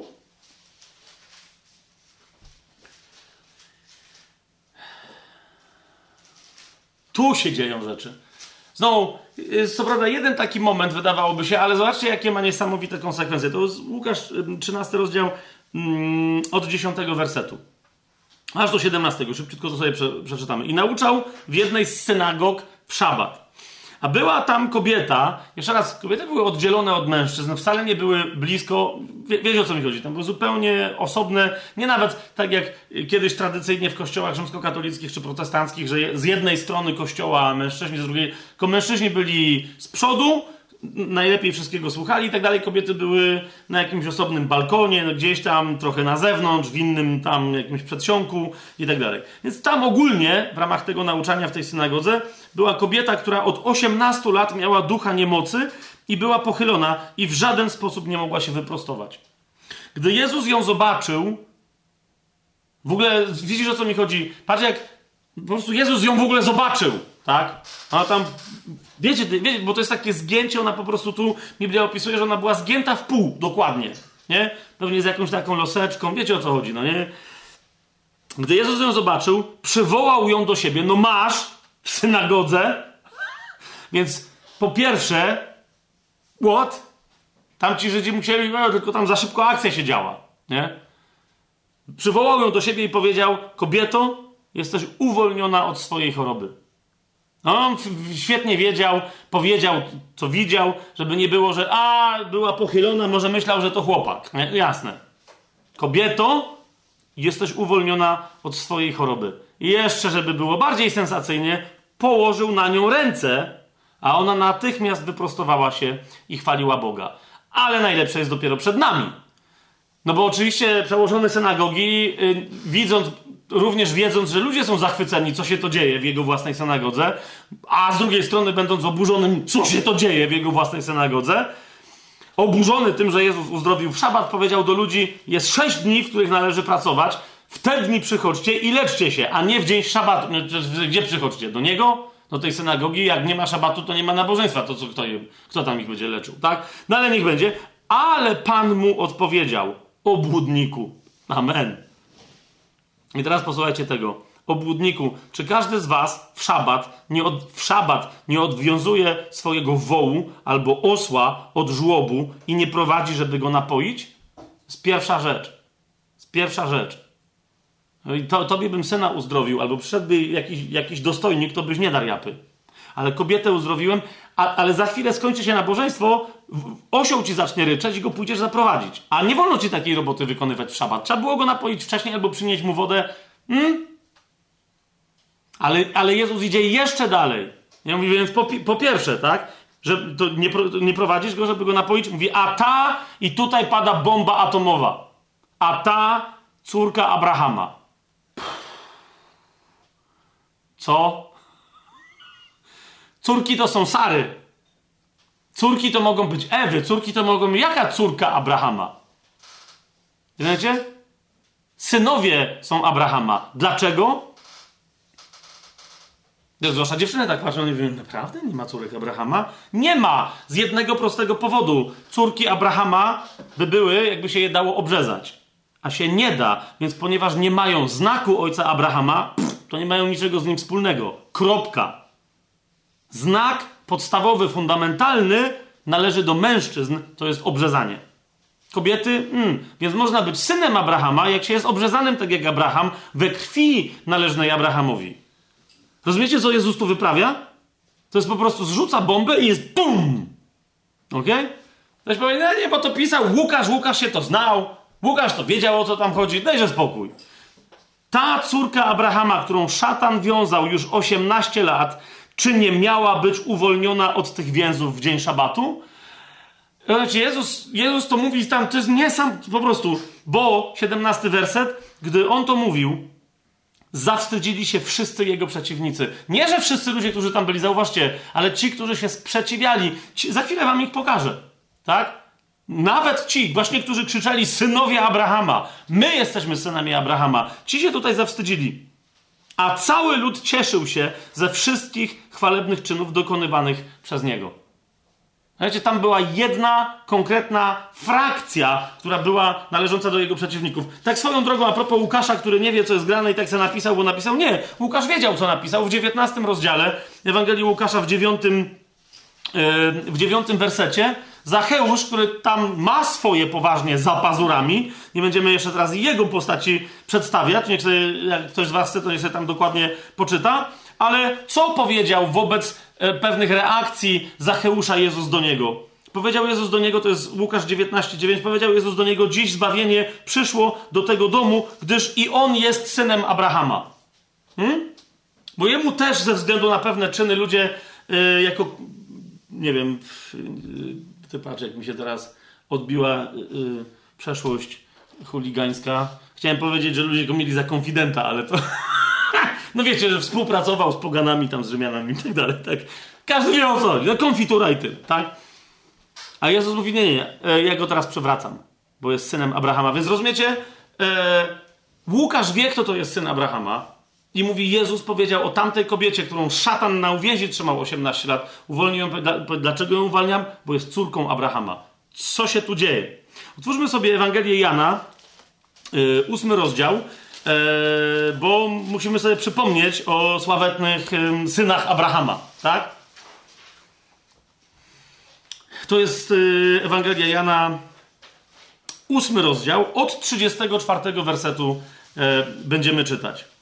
Jezus im odpowiedział: Zaprawdę, zaprawdę powiadam wam, że każdy, kto popełnia grzech, jest sługą grzechu. Jeszcze raz, kto jest sługą grzechu? Każdy, kto popełnia grzech. To jest bardzo ważne dla naszych y, tutaj rozważań. A sługa nie mieszka w domu na wieki, tylko syn mieszka na wieki. Jasne? To jest cały, jak chcecie zobaczyć kontekst, bo to jest cały dyskurs Jezusa z faryzeuszami zasadniczo i, i, i poplecznikami tej e, opcji. Bo no i tu są, to jest właśnie rozmowa z wrogami Jezusa, tych, których Łukasz e, Marek opisuje jako, o, zresztą u niego faryzeusze to są od początku ludzie, prawie od początku, którzy postanowili Jezusa zabić, tak? To są jego wrogowie. Ale tutaj, tak? Bo oni się tu kłócą, bo Jezus mówi, że poznacie prawdę i tak dalej, i tak dalej. Jakie są zasady, żeby byli wolni? A oni mówią, co ty twierdzisz, że my nie jesteśmy wolni? Jak to możesz mówić, że nie jesteśmy wolni, tak? No i on im tłumaczy, że kto popełnia grzech jest sługą grzechu, no a to więc jest niewolnikiem grzechu, a nie jest żadnym, żadną wolną osobą, tak? I teraz, 36 werset czytam. Jeżeli więc Syn was wyzwoli, będziecie prawdziwie wolni. Patrzcie, co, co Jezus mówi. Wiem, że jesteście potomstwem Abrahama, lecz usiłujecie, usiłujecie mnie zabić, bo moje słowo nie znajduje w was miejsca. Ja mówię to, co widziałem u mojego ojca, a wy też robicie to, co widzieliście, ale u waszego ojca. I teraz Jezusowi chodzi o to, że wy się, no, wy sami sobie nominalnie przypisujecie pochodzenie od Abrahama przez znak na ciele. Teraz rozumiecie, czemu Paweł był tak cięty na wszystkich, którzy mówili obrzezanie, obrzezanie, obrzezanie? I dlaczego list do Galacjan, ale nie tylko to, dlaczego właśnie w liście do Galacjan między innymi e, Paweł mówi nie ma mężczyzny ani kobiety? Właśnie dlatego, ponieważ jeżeli jest rozróżnienie, to na bazie tego rozróżnienia przychodzi obrzezanie. A Paweł mówi, Jezus to rozróżnienie skończył. Zaraz sobie więcej o tym powiemy, tak? I mówi, to, że wy tam sobie coś obcinacie, yy, jakąś część ciała sobie urżniecie, to jeszcze z was nie robi synów Abrahama. Mówi, bo wy się do niego przyznajecie jako do ojca, ale waszym ojcem jest ktoś inny. Odpowiedzieli mu, 39 werset, ależ naszym ojcem jest Abraham. Jezus im powiedział, gdybyście byli synami Abrahama, spełnialibyście uczynki Abrahama. O, o za, za chwilę więcej Paweł nam o tym powie, tak? Mówi, spełnialibyście jego uczynki. Ale teraz usiłujecie mnie zabić, człowieka, który wam mówił prawdę, którą słyszał od Boga. Tego Abraham nie robił. No, Wy spełniacie uczynki waszego ojca. Wtedy powiedzieli mu: My nie jesteśmy spłodzeni z nierządu. Mamy jednego ojca, Boga. Jezus im powiedział: Gdyby Bóg był waszym ojcem, miłowalibyście mnie, gdyż ja od Boga wyszedłem i przyszedłem, a nie przyszedłem sam od siebie, ale on mnie posłał. Dlaczego nie pojmujecie tego, co mówię? Dlatego, że nie możecie słuchać mojego słowa. Wy jesteście z waszego ojca, diabła, i chcecie spełniać porządliwości waszego ojca. On był mordercą od początku i nie został w prawdzie, bo nie ma w nim prawdy. Ups. I to po tym poznasz syna, że jego uczynki są takie jak ojca.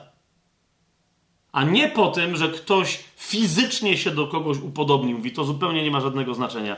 I teraz, kochani, w tym kontekście, rozumiecie? I, I, ale teraz Jezus co robi? Do kobiety mówi, o kobiecie mówi ta Żydówki, ta córka Abrahama. Czyli w niej dostrzega coś, co miał Abraham i mówi, na tej zasadzie ona jest jego córką, a nie na tej zasadzie, że wy tam sobie coś w ukrytych miejscach obcięliście i teraz nawet nie ma za bardzo jak tym zaświecić, ale strasznie krzyczycie, że to jest dowód, że jesteście wybrańcami i że wy jesteście synami Abrahama. O nie. I teraz w tym kontekście, kochani, w tym kontekście błogosławię Pana, że żeśmy kiedyś do tego kontekstu dotarli. Otwórzmy sobie list do Rzymian. Czwarty rozdział od 8 do 12 wersetu, po tym wszystkim, co teraz powiedziałem. Czwarty rozdział listu do Rzymian, od 8 wersetu. Błogosławiony kto? Człowiek, mężczyzna? Nie, nie, nie. Błogosławiony człowiek, istota ludzka. Błogosławiony człowiek, któremu Pan nie poczyta grzechu. Czy więc to błogosławieństwo, bo Paweł tu mówi o błogosławieństwie dla Abrahama, Zobaczcie, jaki tu jest dodatkowy, głęboki kontekst. Czy więc to błogosławieństwo dotyczy tylko obrzezanych? Czy to widzicie? To nie chodzi tylko o Żydów. Tu chodzi także od momentu, jak Jezus powiedział, ta córka Abrahama, tu chodzi także o kobiety. I dlatego Paweł jest tak wściekły za każdym razem, jak oni próbują przyjąć znak obrzezania. Mówi, zwrócicie do tego, co było pod prawem. Nie ma tak. Czy więc to błogosławieństwo dotyczy tylko obrzezanych, czy też nieobrzezanych? Mówimy przecież, że wiara została Abrahamowi poczytana za sprawiedliwość. Jakże więc została mu poczytana, gdy był obrzezany, czy przed obrzezaniem? Gdy był obrzezany, co z powodu obrzezania coś spowodowało? Czy przed? Nie po obrzezaniu, ale przed obrzezaniem i przyjął znak obrzezania jako pieczęć sprawiedliwości wiary, którą miał przed obrzezaniem nie po to, aby był ojcem wszystkich nieobrzezanych wierzących, aby yy, po to, aby był ojcem wszystkich nieobrzezanych wierzących. Jeszcze raz zwróćcie uwagę na to. Wszystkich nieobrzezanych wierzących, aby im też poczytana była sprawiedliwość i aby był ojcem obrzezania nie tylko tych, którzy są obrzezani, ale też tych, którzy chodzą śladami wiary naszego ojca Abrahama, którą miał przed obrzezaniem. Córka Abrahama to jest ta, która idzie śladami wiary. Nie ma, nie ma jak ją jej obrzezać. Ale też zauważcie, z tego powodu, tutaj, kiedy Paweł dociera, skąd dociera? Z drugiego rozdziału listu do Rzymian, z wersetu 20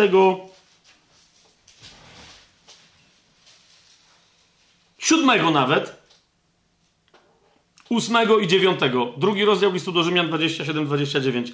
I ten, który jest nieobrzezany z natury, bardzo interesujący, w sensie nic nie mówię. Ale ja nie znam takiego chłopa, który byłby z natury nieobrzezany, którego by się nie dało obrzezać.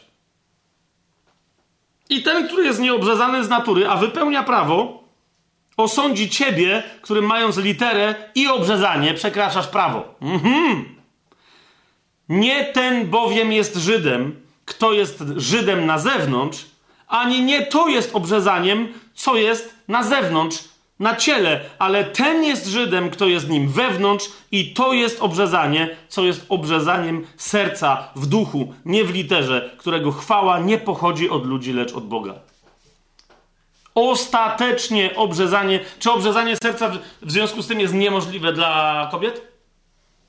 Absolutnie jest możliwe. Jeszcze raz nie będziemy teraz tego tematu rozwijać, ale prześledźcie sobie w Starym Przymierzu temat nieobrzezanego serca. Tam mówi, dobra, się tam rzeżecie jak chcecie, ale macie nieobrzezane serca, więc co mi tam z waszych napletków porzuconych gdzieś na prędce? Nic. I mówi, wy wszyscy, mężczyźni i kobiety, cały Izrael, musicie obrzezać swoje serce. I oto przychodzi Jezus z obrzezaniem serca, które jest dla kobiet i dla mężczyzn, w ramach którego nie ma żadnej różnicy między mężczyznami i kobietami. I dlatego Paweł mówi, niechby ci, którzy wam mówią, którzy wam mówią, żebyście się obrzezali, niechby sami się dali wykastrować. Najpierw. Jak są tacy cwani. Dlaczego? Dlaczego? Jeszcze raz zauważcie tę głębszą myśl ponieważ tę krzywdę, którą chcą zrobić między innymi kobietom, no teraz będą może mogli robić, jak się trochę do kobiet upodobnią.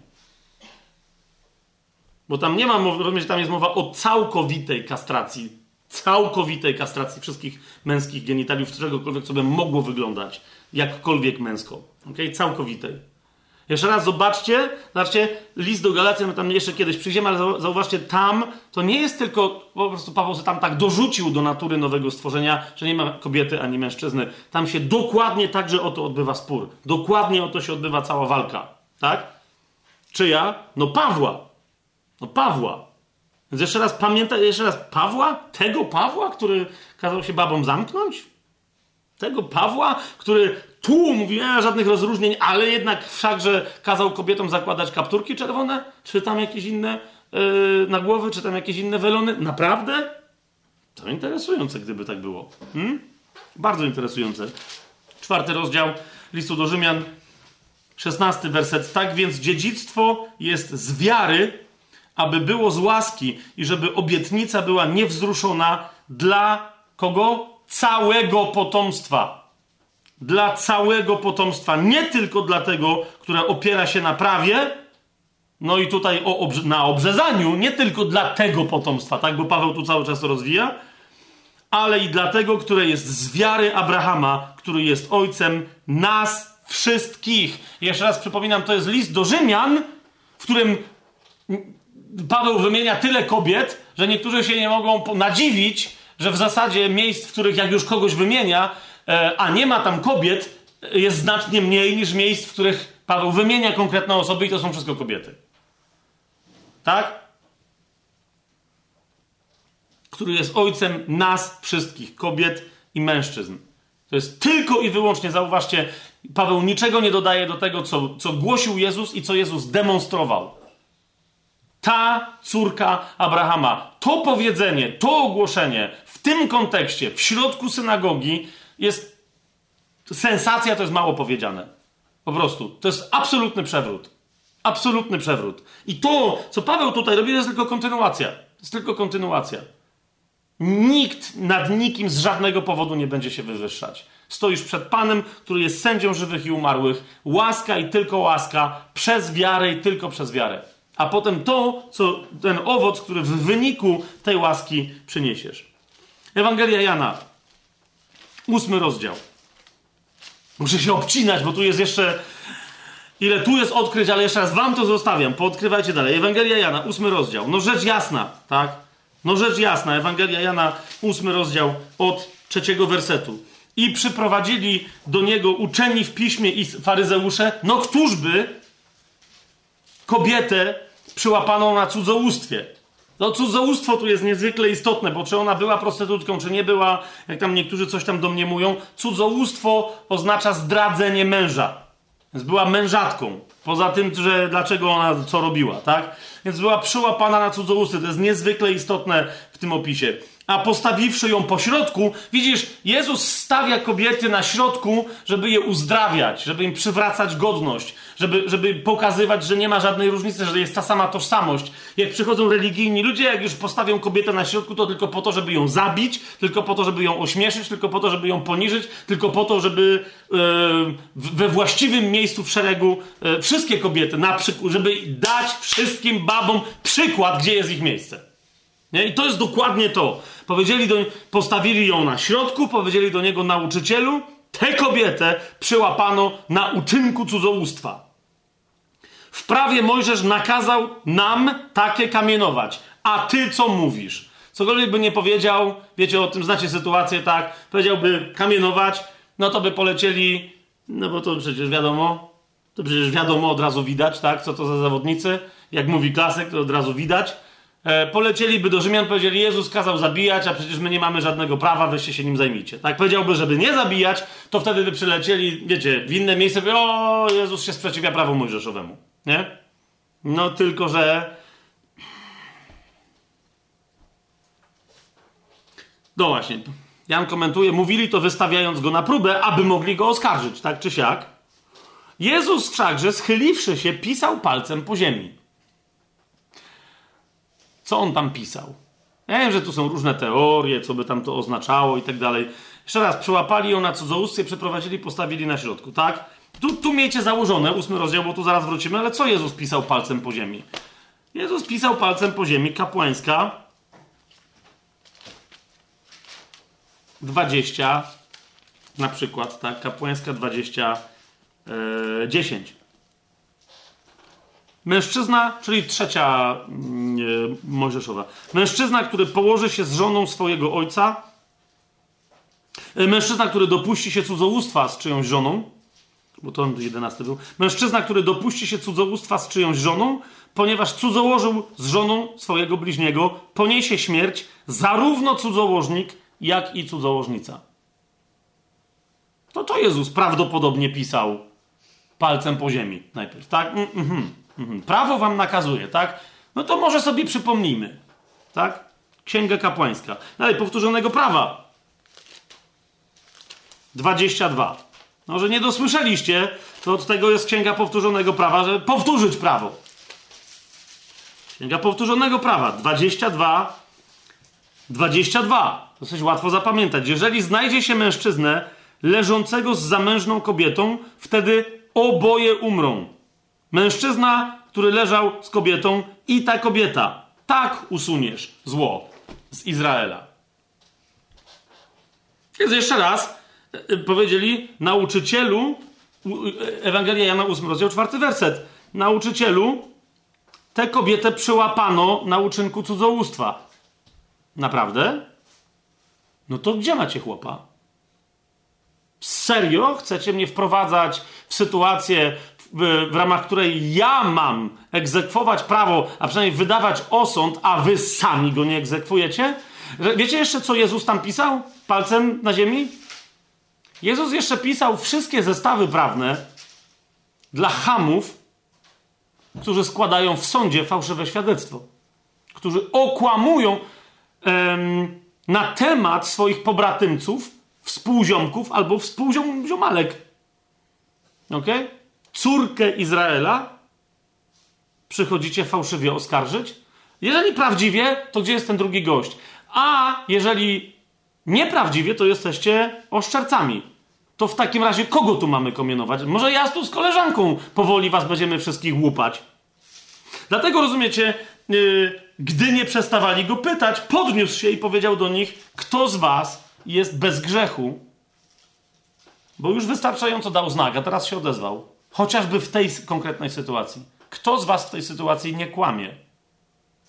Hmm? Niech pierwszy rzuci w nią kamieniem. Dlaczego? Bo grzech oszczerstwa powinien się dokładnie tym samym skończyć. A jeżeli przyłapaliście ją, ale puściliście cudzołożnika, ale ją, a ją zatrzymaliście, bo wam pasowało, jest jeszcze gorzej. Jest jeszcze gorzej.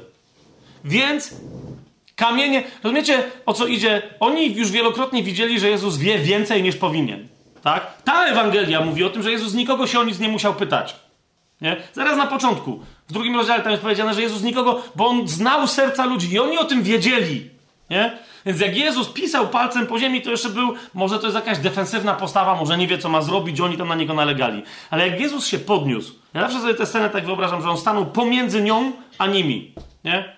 Wziął ją, wyprowadził z tego kręgu i stanął pomiędzy nią a nimi. Mówi, kto z was jest bez grzechu, niech pierwszy rzuci kamieniem. Rozumiecie, oni w jego oczach musieli zobaczyć, że jak ktoś weźmie kamień, to on mu powie, jaki ma grzech. Oni to musieli. To zresztą jeszcze zaraz będziemy się. Ale to musiało być jasne w tych oczach. Rozumiecie? On mówi, tylko spróbuj jeden z drugim. Tylko spróbuj. Hmm? I znowu schyliwszy się, pisał po ziemi.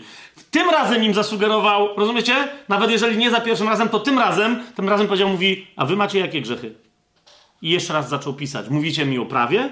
Fantastycznie. I zaczął pisać. Hmm?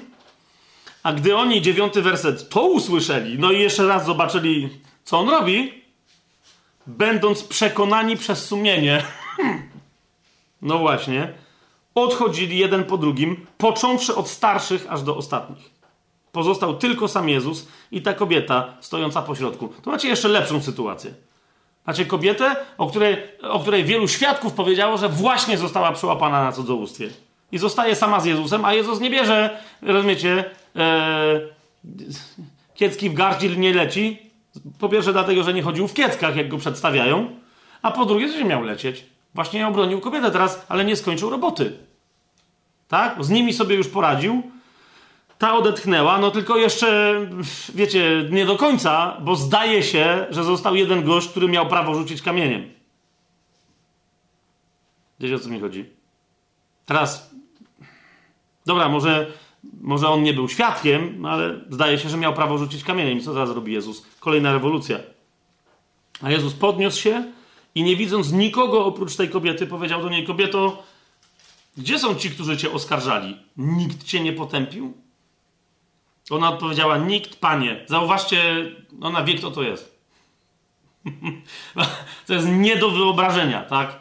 Że po prostu przychodzi banda jełopów, którzy trzęśli całym Izraelem i po prostu wstaje gość, mówi, no okej, okay, no to proszę bardzo, to rzucać. No nie, pisze coś palcem po ziemi i oni wszyscy są przekonywani przez sumienie, więc ona wie, kto to jest. Nie? Nikt, panie. A Jezus powiedział do niej, no i teraz masz coś, zauważ, gdzie jest prawo mojżeszowe i gdzie jest Jezus. Kolejny element rewolucji mówi, ja ciebie nie potępiam. Ja ciebie nie potępiam. Ale z drugiej strony zauważ, to jest Jezus. To jest chrześcijaństwo, to jest Kościół, to jest ciało Chrystusa. Idź i już więcej nie grzesz.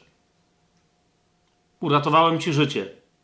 Ale i oddaję ci wolność, więcej żaden z tych baranów się do ciebie nie zbliży. Ale idź i więcej nie grzesz. Nie po to oddaję ci wolność, albo wręcz daję, której nie miałaś, żebyś wróciła w ramach tej wolności do swoich dawnych porządliwości i słabości. Idź i więcej nie grzesz. Jezus znowu powiedział do nich: Ja jestem światłością świata. Absolutnie na przedłużeniu, yy, na przedłużeniu tej historii. Ewangelia Łukasza. Nawet nie będę tego dalej rozwijał, yy, tylko chcę Wam od razu pokazać inną, przypomnieć, a nie pokazać inną historię. To jest Ewangelia yy, Łukasza, siódmy rozdział. Mm, oczywisty, ale z nie aż tak bardzo oczywisty. E, siódmy rozdział Ewangelii Łukasza od 36 e, wersetu. Bo tam znowu, tu rozumiecie, tutaj Jezus broni cudzołożnicę. No a tu mamy sytuację z kobietą, no jeszcze gorszą w sensie jej reputacji, tak? 36 werset. I dalej. I zaprosił go jeden z faryzeuszy na wspólny posiłek. Wszedł więc do domu faryzeusza i usiadł. Ściśle rzecz ujmując, nam się położył, ale no, okej. Okay. A oto kobieta, grzesznica, która była w tym mieście, no to myślacie się o kogo chodzi, tak? Prostytutkę i to nie jakąś taką, która potajemnie, że tak powiem, dorabiała pod nieobecność męża, czy coś w tym stylu, tylko jawną, e, jawnie działającą prostytutkę. Być może w domu publicznym ale być może tam nie było domu publicznego, no w każdym razie ona była znana jako prostytutka. No to kobieta grzesznica, która była w tym mieście, dowiedziawszy się, że siedzi przy stole w domu faryzeusza, przyniosła alabastrowe naczynie olejku. I stanąwszy z tyłu u jego nóg, płacząc, zaczęła łzami obmywać jego nogi, wycierała je włosami swojej głowy, całowała i namaszczała go olejkiem co tu się dzieje. Oni leżeli dookoła stołu, więc ona nie bardzo mogła do niego podejść, ale chodzi mi o to, wiecie, e, w Talmudzie jest na przykład napisane, kobiety te olejki, te, te, te, te flakoniki alabastrowe nosiły jako rodzaj w tamtym czasie zwłaszcza kulturowej ozdoby wręcz, nie? Więc, więc teraz Talmud co prawda interpretował, że na przykład jak jest szabat i ktoś i, i wykorzystuje kroki tak zwanej drogi szabatowej, żeby pójść do synagogi, no to może pójść, ale nie może nic nosić, tak? Natomiast olejek, yy, w sensie flakonik alabastrowy, no był uznany za ciężar, którego kobieta nie musi nosić. Może mieć kolczyk w uchu, może mieć yy, chustkę na głowie, może tam mieć różne rzeczy, ale nie może chodzić. Natomiast ko dla kobiet to był tak, yy, jakby to, to demonstrowało ich prestiż. Znaczy, Im większy był ten flakonik specjalnie zrobiony, one były płaskie, jakby wyglądały jak takie kolie czasami, ale rzeczywiście był w nich olejek alabastrowy i po prostu kobiety co, co, co jakiś czas troszeczkę kropeleczka roztarły na palec, tu sobie gdzieś tam się poperfumowały, nie? Miały ten, czasem wiecie, flakon był większy, a tam w środku były trzy krople, ale, ale e, do tego stopnia były traktowane właśnie jako wyraz zamożności, prestiżu i tak dalej, i tak zwłaszcza prestiżu, zamożności i tak swojego męża, e, że Talmud nawet pozwalał, pozwalał kobietom w szabat e, jakby zakładać te flakoniki i chodzić w nich do synagogi, nie? E, więc to było jakby tak nieodzowne, że kobiety je tam nosiły. No tylko jakby kobiecie miał kupić mąż taki flakonik, od tego zaczynam, nie? A teraz rozumiecie, za jakie pieniądze ta kobieta sobie kupiła ten flakonik? to jest pierwsze, co musimy zrozumieć, tak? To, to jest wyraz absolutnie mm, jakby, dobra, yy, może i grzechu, ale też niezależności tej kobiety, tak? Jakby, bo to jest też coś, co się tym Żydom w niej nie podobało, że no nie trzeba się tam z żadnym chłopem gdzieś tam ukradkiem. Ona się sama decyduje, sama się oddaje mężczyznom, sama zarabia na tym pieniądze, a jednocześnie w związku z tym była uznawana za najgorszą, najbardziej obrzydliwą i tak dalej, i tak dalej. Nawet te, to jej, wiecie, ten, ten jej zapach, to był, to był zapach yy, obrzydliwości, zapach grzechu, zapach niezależności kobiecej. Absolutnie, wiecie, czegoś, z czego można potajemnie w nocy za jakiś tam pieniądz skorzystać, ale potem, żeby publicznie taką kobietę zmieszać z błotem, zwyzywać, że to ona jest wiecie kim, a nie ci, którzy z jej usług korzystali. Tak? Więc to jest pierwsza rzecz, o której my musimy pamiętać, co się tu dzieje. Nie? Wszyscy wiedzą, kto to jest. I teraz ta kobieta przychodzi, yy, przyniosła alabastrowe naczynie yy, olejku i stanąwszy z tyłu u jego nóg, płacząc, zaczęła łzami obmywać jego nogi. To jest pierwsze. No nie? Eee, tam no nie miała ze miednicy, tam niczego. Nie wiedziała, co zrobić. Tam jakieś tam emocje jej towarzyszyły z tego, co później Jezus mówi, wynika, że no miała z nim już wcześniej spotkanie, w ramach którego niektórzy wręcz mówią, że ta kobieta to jest ta z Ewangelii Jana. Nie? Że ona po jakimś czasie wróciła. No ale nie, bo tamta była cudzołożnicą, a ta jest grzesznicą, to jest inny opis. Nie? A Jezus zresztą w ogóle rozmawiał z prostytutkami, skądinąd wiemy, je, modlił się za nie, w sensie uwalniał je, uzdrawiał i tak dalej, więc tu no po prostu jakaś taka kobieta przyszła. W tym całym odruchu, wiecie, bo on leżąc pewnie widział, że ona przyszła, tak? Wyobraźcie sobie to przy stole i on się, wiecie, leży, od, odwrócił się, no, ale nadal ma nogi na zewnątrz, tak? Ona przypadła do jego stóp, zaczęła płakać, no i tam najwyraźniej dużo napłakała, bo za, potem się zorientowała, że no zaś jeszcze po prostu wiecie, jak ktoś bardzo płacze, nie chce teraz być jakiś bardzo drastyczny, no ale to nie tylko mu łzy ciechną, ale tam i wpiki z nosa, no wiecie o co chodzi, no nie, tam trochę jest jakby to takie, no to potem zaczęła ocierać, no bo nagle nie ma miednicy, nie ma też ręcznika, tak? Zaczęła go wycierać włosami. Nieważne, co się tej kobiecie dzieje, ważne, co się wszystkim świadkom dookoła dzieje. Nie wiem, czy rozumiecie, o co mi chodzi. Tak, Łukasz celowo to opisuje w taki sposób, żeby nawet nie zasugerować, tylko po prostu wprost pokazać, że naprawdę jak ktoś ma we łbie kiełbie, to zacznie widzieć w tym scenę erotyczną. Tak? Bo nie odpuszcza, Łukasz naprawdę, to jego słownictwo on tu nie odpuszcza, tylko mówi, że zaczęła łzami obmywać jego nogi, zaczęła wycierać je włosami swojej głowy, całowała, a ten tu grecki wyraz jest nieprawdopodobnie intensywny, bo jak już ona go tam, wiecie, wytarła, no to zaczęła go całować, całować, było takie, że całowała i całowała, nie, jak ona go całowała, no nie? Jest po prostu taki wyraz. No i to jest prostytutka, tak? Wiecie, co jest grane?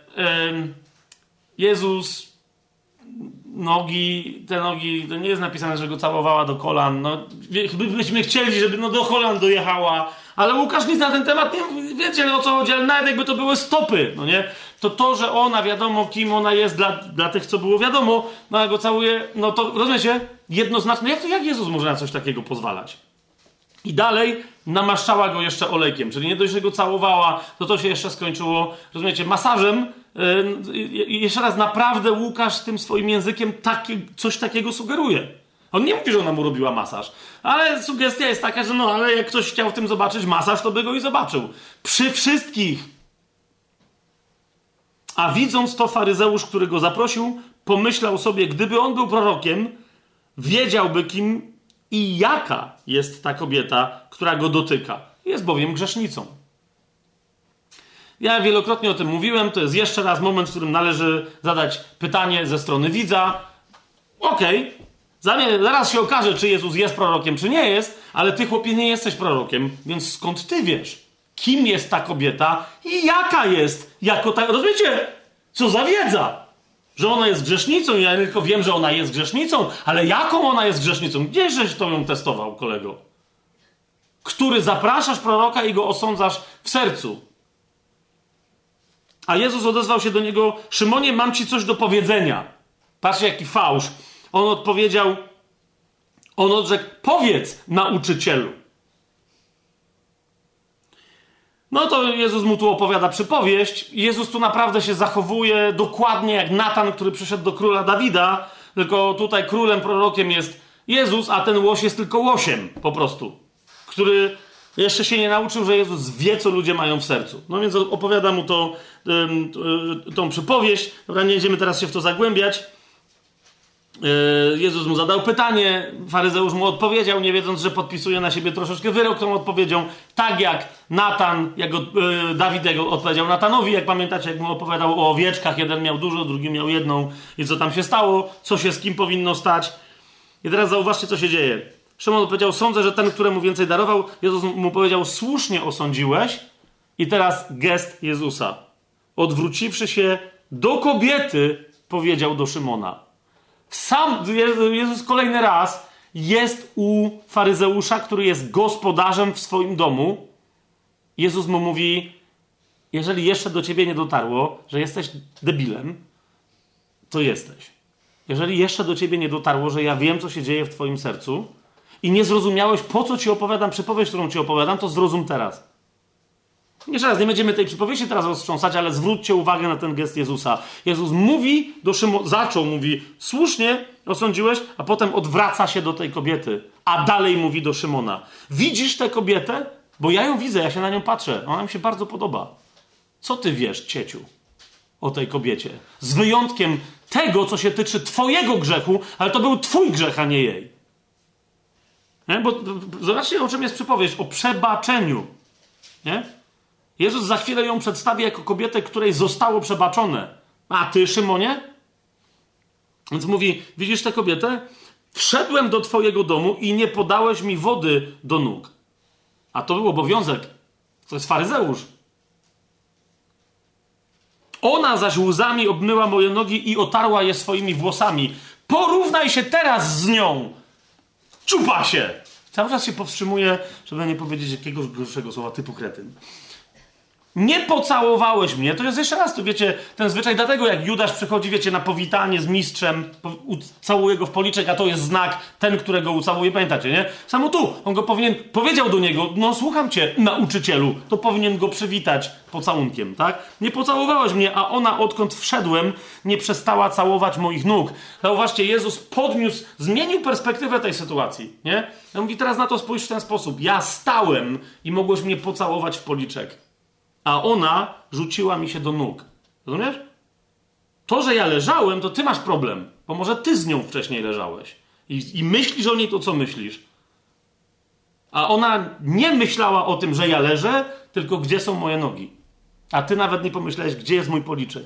Nie namaściłeś mi głowy oliwą, a ona olejkiem, zwykłą oliwą, wiecie, z oliwek, tak? A ona olejkiem tym w sensie perfumami, które skądinąd wiemy, tak, historia z Judaszem, inną kobietą, która olejek alabastrowy, o której za chwilę, pamiętacie, roztrzaskała w ogóle, żeby całość wylać na Jezusa, I mówi, a ona tym absolutnie wielok, wielekroć płynem droższym niż ty, co robi? Namaściła moje nogi.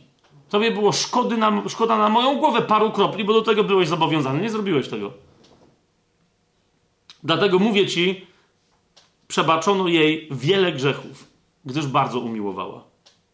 A komu mało przebaczono, ten, a komu mało przebaczono, ten mało miłuje. Do niej zaś powiedział, zauważcie, publicznie. tamtym domu, u tego faceta, rozumiecie, to, to było publiczne, to była publiczna amnestia. Nie tylko ułaskawienie, ale i amnestia. Zwolnienie z wszystkich grzechów, z wszystkiego. Rozumiecie, z kar.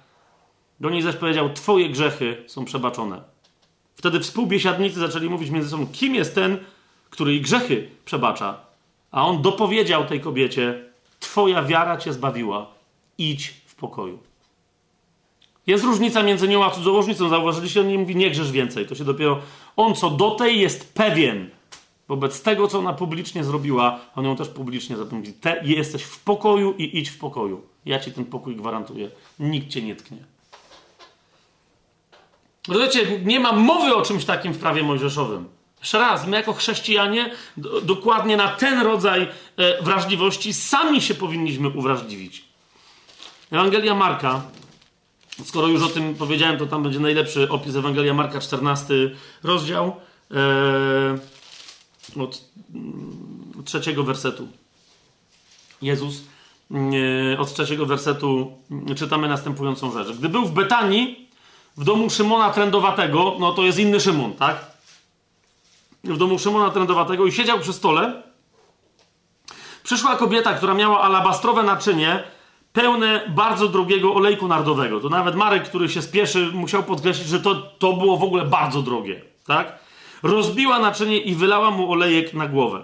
Tam chodziło o to, że ona nie roztrzaskała, wiecie, tego na podłodze, tylko tam się ubijało szyjkę górną, także nadal to wszystko, co było w środku zostawało, ale wtedy można było mm, jakby łatwiej wylać całość, tak żeby było też widać, że ona wylewa całość. Niektórzy oburzyli się, no z Ewangelii Jana wiemy, którzy to byli ci niektórzy, czyli Judasz Iskariota, który był socjalistą, czyli złodziejem udającym, że zbiera na biednych. Niektórzy oburzyli się i mówili, po co takie marnotrawstwo olejku? Przecież można to było sprzedać drożej niż za 300 groszy, no jest takie tłumaczenie, zostańmy denarów, i rozdać je ubogim. I szemrali przeciwko niej. No, być może, że Judaszowi powoli zaczynało się podburzyć też innych przeciwko tej kobiecie. My też wiemy, jak ona miała na imię i tak dalej, tylko no, nie, nie o coś innego chodzi. Marek w odróżnieniu od innych ewangelistów opisuje jeden aspekt, o, który, o którym inni nie wspominają albo go niezbyt wyraźnie sugerują. Lecz Jezus powiedział, zostawcie ją. Kolejny raz. W kolejnej scenie jest jeszcze inne. No kobiety nie potrafią zarządzać pieniędzmi. No widzisz, co się dzieje. No to można było sprzedać, a ta cóż zrobiła? No wylała mu na głowę i co, co komu z tego? Jezus pierwsze co mówi, zostawcie ją. I drugie, nie tylko, że to jest niesprawiedliwe, ale mówi, dlaczego sprawiacie jej przykrość. To jest również istotne. Co, co się w ogóle dzieje? Z, z jakiego powodu? Co? Bo co nagle, nagle w was się odezwało yy, jakaś wyjątkowa troska o ubogich? I teraz zwraca im uwagę na trzecią rzecz. Mówi, no jak już ją zostawicie i przestaniecie kombinować, jak ją zranić, to w ogóle zauważcie, że ona właśnie spełniła wobec mnie dobry uczynek. Ubogich bowiem zawsze macie u siebie i kiedy zechcecie, możecie im dobrze czynić. Mówi, no fajnie. Mnie jednak nie zawsze mieć będziecie i mówi, i dlatego czynienie dobrze mnie nie macie nieskończonego limitu. No zwłaszcza, że wiemy, że to jest 14 rozdział w Ewangelii Marka, czyli za chwilę się skończy możliwość dobrych uczynków wobec Jezusa.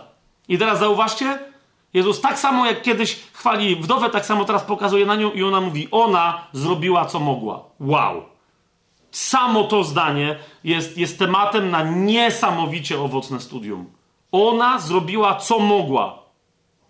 Wszy, to jest myśl, że to ona wszystko. Za, I teraz co? No widzisz, teraz jest bardzo interesujące. Jezus pokazuje na nią i ona mówi, to, to jest prorokini.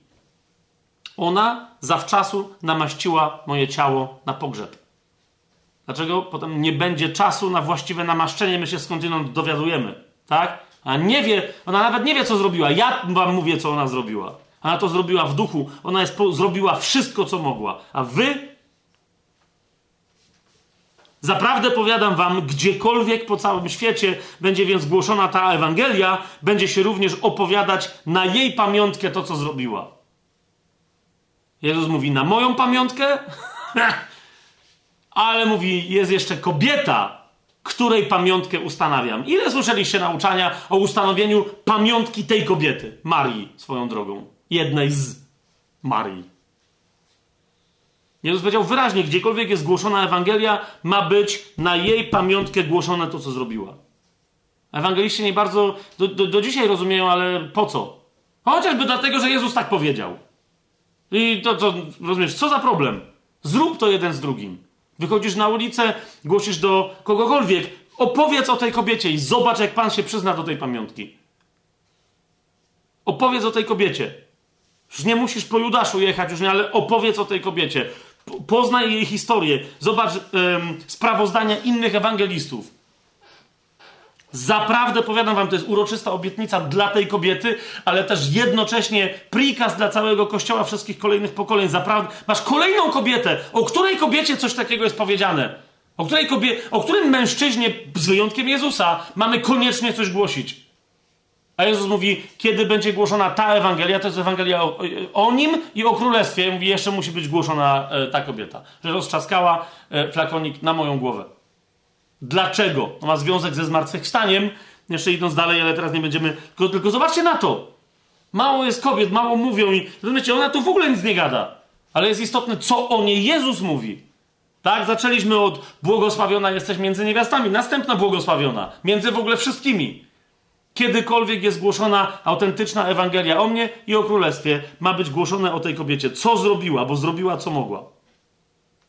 Gdziekolwiek po całym świecie będzie głoszona ta Ewangelia, będzie się również opowiadać na jej pamiątkę to, co zrobiła. Swoją drogą zauważcie, że Judasz Iskariota przez Marka jest zademonstrowany nie jako ktoś, kto tylko udaje, że się troszczy o biednych, a w zasadzie yy, mu nie zależy, bo jest złodziejem, ta, to także jest pokazane jako gość, który ostatecznie się obraził o to, że Pan Jezus tak wywyższył kobietę, zamiast powiedzieć Judasz ma rację. Bo to Judasz, jak wiemy z innych, z Ewangeliana chociażby wiemy, że podburzał przeciwko niej wszystkich. Nie no właśnie Marek komentuje na jej pamiątkę to, co zrobiła. Wtedy Judasz Iskariota, jeden z dwunastu, poszedł do naczelnych kapłanów, aby im go wydać. Okay? U Marka to jest jasne powiązanie. To po prostu. Judaszowi się czara goryczy przelała. Nie? Więc masz nie dość, że, dobra, nie dość, że socjalistę, to jeszcze mizogina. No, okej. Okay. Dobra, dobra, mm, bo czas, czas leci. Myślę, że musimy, musimy wobec tego, jesteśmy w tej Ewangelii, do tych pieniędzy to jeszcze, to jeszcze wrócimy, ale, ale jeden bardzo taki wątek, który myślę, że musimy się mu dobrze przyjrzeć. Mianowicie w jednej tylko Ewangelii, bo on, e, on jest opisany y, też nie tylko w tej jednej, ale no, nie mamy czasu. Ale wiecie, chciałbym, żebyśmy zobaczyli podejście Jezusa, że to będzie zabrzmi teraz dziwnie, ale sam fakt, że to zabrzmi teraz dziwnie, świadczy o tym, no, gdzie my nawet jako Kościół, a już pomijam jako, jako cała cywilizacja, gdzie żeśmy zaszli. Ale w każdym razie, e, żebyśmy zobaczyli, e, jak się odnosił Jezus do czegoś tak kobiecego i kompletnie niemęskiego, a więc typowo kobiecego, jak menstruacja. W wielu zgromadzeniach, jak, jak wrzucałem takie, nie w wielu, bo to nie było w wielu, bo to w wielu to by w ogóle nic, wiecie. Ale było parę takich miejsc, żeśmy, i, i było takie, czekaj, czekaj, Jezus się do czego? Gdzieś odniósł? No odniósł się. Po, po, pierwsze, myśmy już ostatnio mówili, że jakby wiecie, temat yy, czy to w, w, ramach stosunku seksualnego, czy nie, wytrysku nasienia u mężczyzn nie jest żadnym tematem tabu yy, w, prawie mojżeszowym. Temat yy, krwawienia miesięcznego i innych w ogóle związanych tam z tym, z tym rzeczy u kobiet nie jest żadnym tematem tabu yy, w, w prawie mojżeszowym. Więc dlaczego miałby być tematem tabu dla Jezusa? Tak?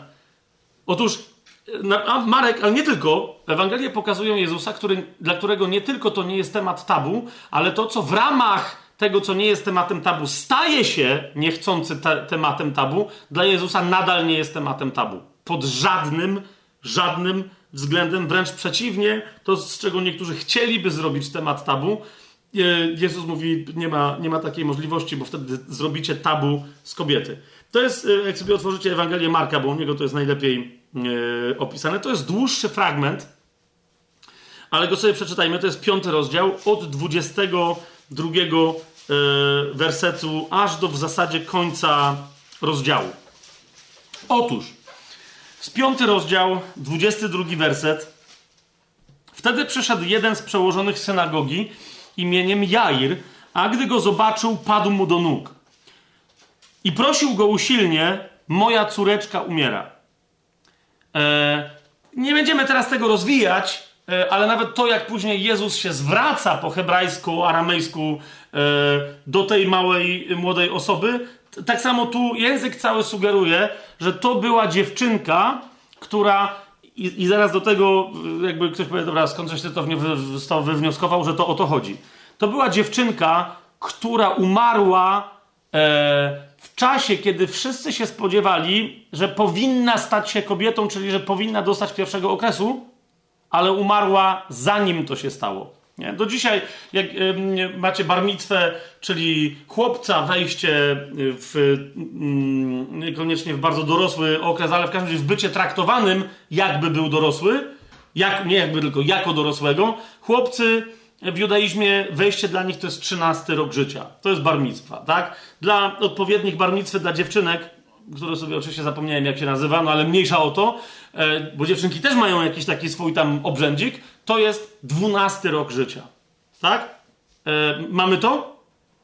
Czyli się zakłada, niekoniecznie, że dziewczyna musi mieć e, pierwszy okres jak ma 12 lat, tylko się zakłada, że no mniej więcej to jest właśnie to. Tak? To, to jest uznane za wejście kobiety w okres dorosłości, czyli także w okres płodności. No ale tu na razie się dowiadujemy, że co? Że ten pat i nazwał tę swoją córeczkę właśnie córeczką, a nie dziewczyną czy kobietą i tak dalej, i tak dalej. Tylko córeczką, tak? Przyjdź połóż na nią ręce, aby została uzdrowiona, a będzie żyła.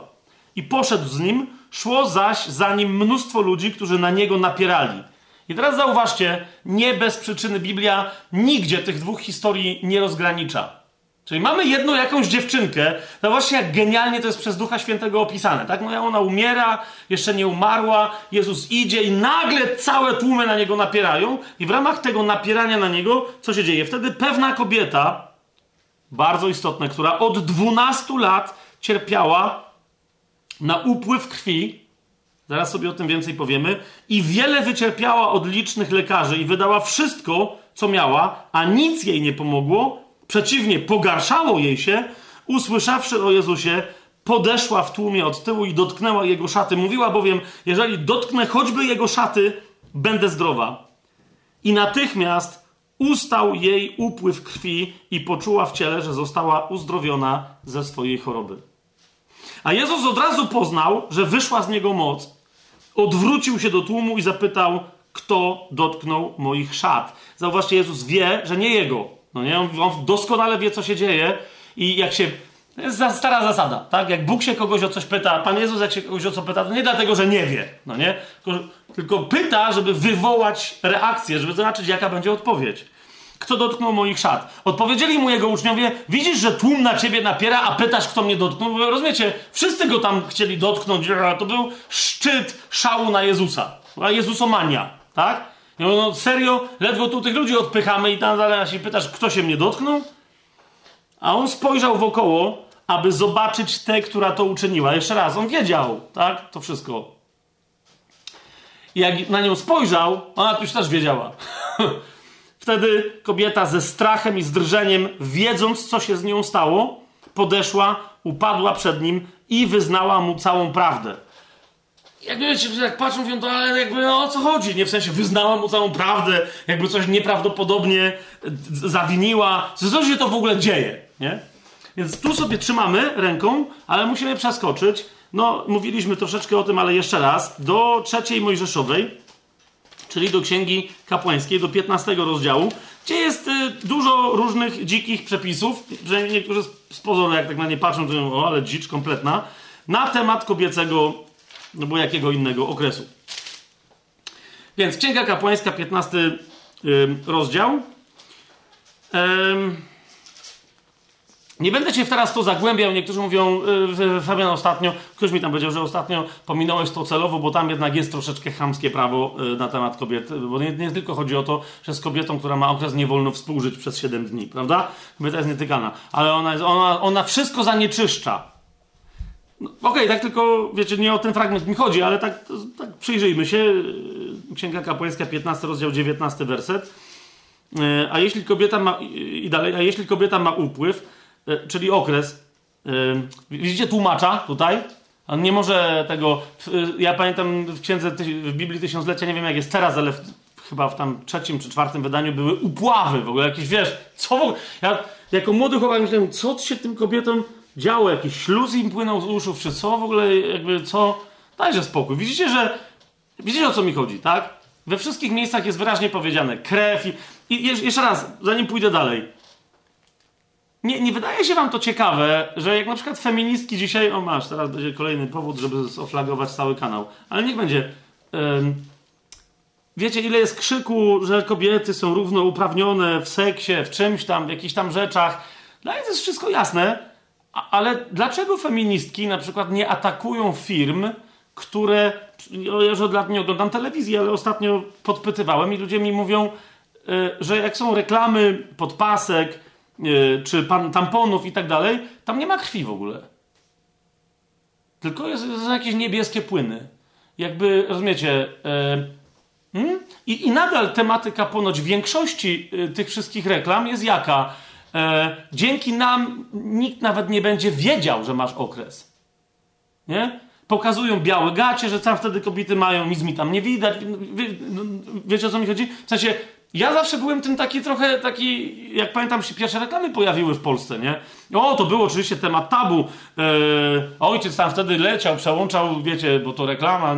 No ale ja nadal w sensie, no no, co tam, człowieku, ja nie wiem, co tam ci się w ale co, no, no podpaski, żeś nie widział, w sensie, dajże spokój. Fajnie, że wreszcie są, tak? Przecież pamiętam, no nieważne co, tam pamiętam, ale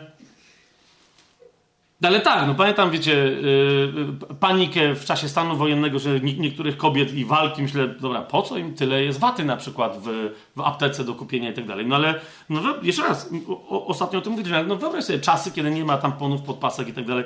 Cała w ogóle, wiesz, kwestia higieny, no wiecie o co mi chodzi, nie? Bądź tu kobietą w takich czasach. No ale nadal, no mamy ponoć XXI wiek, wszechwyzwolenie i tak dalej, a nadal wszystkie te reklamy mówią kobiecie, musisz ukrywać, że masz okres. Nikt nie może widzieć, że masz okno. Nie możesz powiedzieć, co, ci, co w związku z tym czujesz. Rozumiesz, co w związku z tym.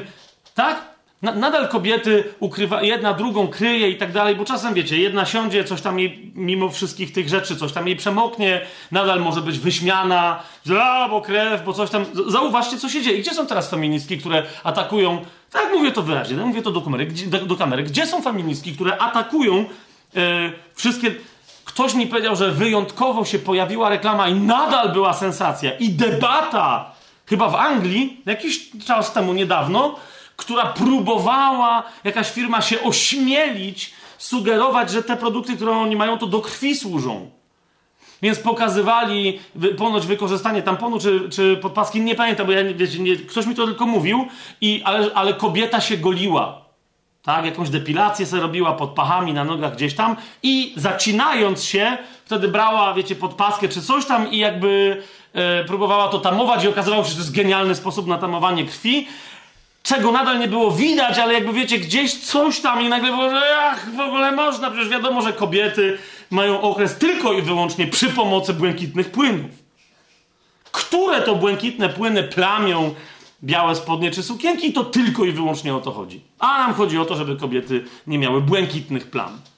Zauważcie, co jest grane. Nie, nie, wiecie, o co mi chodzi?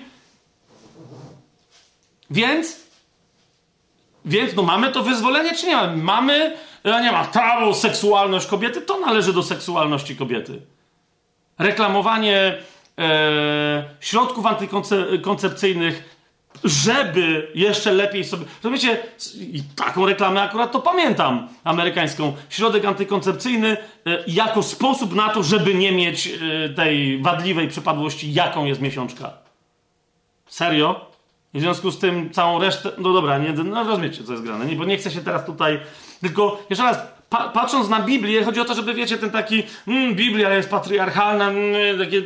Okej.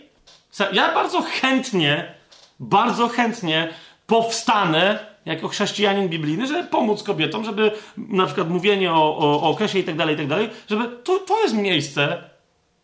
Rozumiecie, dziewczynki nadal są wyśmiewane przez inne dziewczyny. W szkole ja tym jakoś nie słyszę, rozumiecie? To ktoś prześladowany, bo jest chłopcem, a myśli, że jest dziewczyną, czy tam odwrotnie. Dobra, super, niech ma jak ma, tak co zrobić. Ale gdzie są programy antybullyingowe, Rozumiecie, że właśnie dziewczyny, inne dziewczyny gnębią, bo one się jeszcze nie orientują i któreś tam było widać, że tam jej krew pociekła i tak dalej, i tak dalej. To są historie, o których notorycznie, notorycznie słyszę, o których notorycznie rozmawiam. I to, że chłopcy e, też jakby są nauczeni, że okej, okay, z, takiej, z takiej dziopy, jak się mówi, są, czy można się nabijać, to wynika z czego? Z przyzwolenia innych dziewczyn. A jeszcze potem taka dziewczyna potrafi być, och, znaczy potrafi być, po, potrafi na przykład pani pedagog czy psycholog szkolna potrafi ją ochrzanić, że ona nie wie, co, co ma ze sobą zrobić, że ona ee, i tak dalej. Jeszcze raz się pytam, to gdzie są feministki w takim razie w tych wszystkich sprawach? Czemu nie ma kampanii szkolnych? Rozumiecie o co mi chodzi? Żeby to, co jest tak naturalnie kobiece, żeby nie było w, w, tak chamski, bezczelny sposób pomijane i, i, dalej, żebyśmy mając te wszystkie mm, higieniczne rozwiązania, żebyśmy siedzieli mentalnie w jakimś XIX wieku. Okej, okay, dobrze, bo to zaczyna brzmieć. W każdym razie, Księga Kapłańska, 15 rozdział, a tam za bardzo. Yy, więc mówi, okay, kiedy kobieta ma okres, a jest to konkretnie nie żaden inny upływ, tylko żeby to było jasne, wiecie, wypływ krwi z jej ciała, to przez 7 dni będzie w swojej nieczystości. Jeszcze raz powtarzam, to jest nieczystość rytualna. Nieczystość rytualna zasadniczo w Starym Przymierzu oznacza nietykalność kogoś albo czegoś. Że to ma być niedotykane. Każdy, kto jej dotknie, no właśnie, będzie nieczysty aż do wieczora. I teraz ktoś mówi, no tak, Fabian, ale tam jest wszystko, na czym się położy w trakcie swojej nieczystości, będzie nieczyste, wszystko, na czym usiądzie, będzie nieczyste. Każdy, kto dotknie jej posłania i tak dalej, każdy, kto dotknie tego, na czym ona się działa, jak ona tam zanim pójdziemy dalej.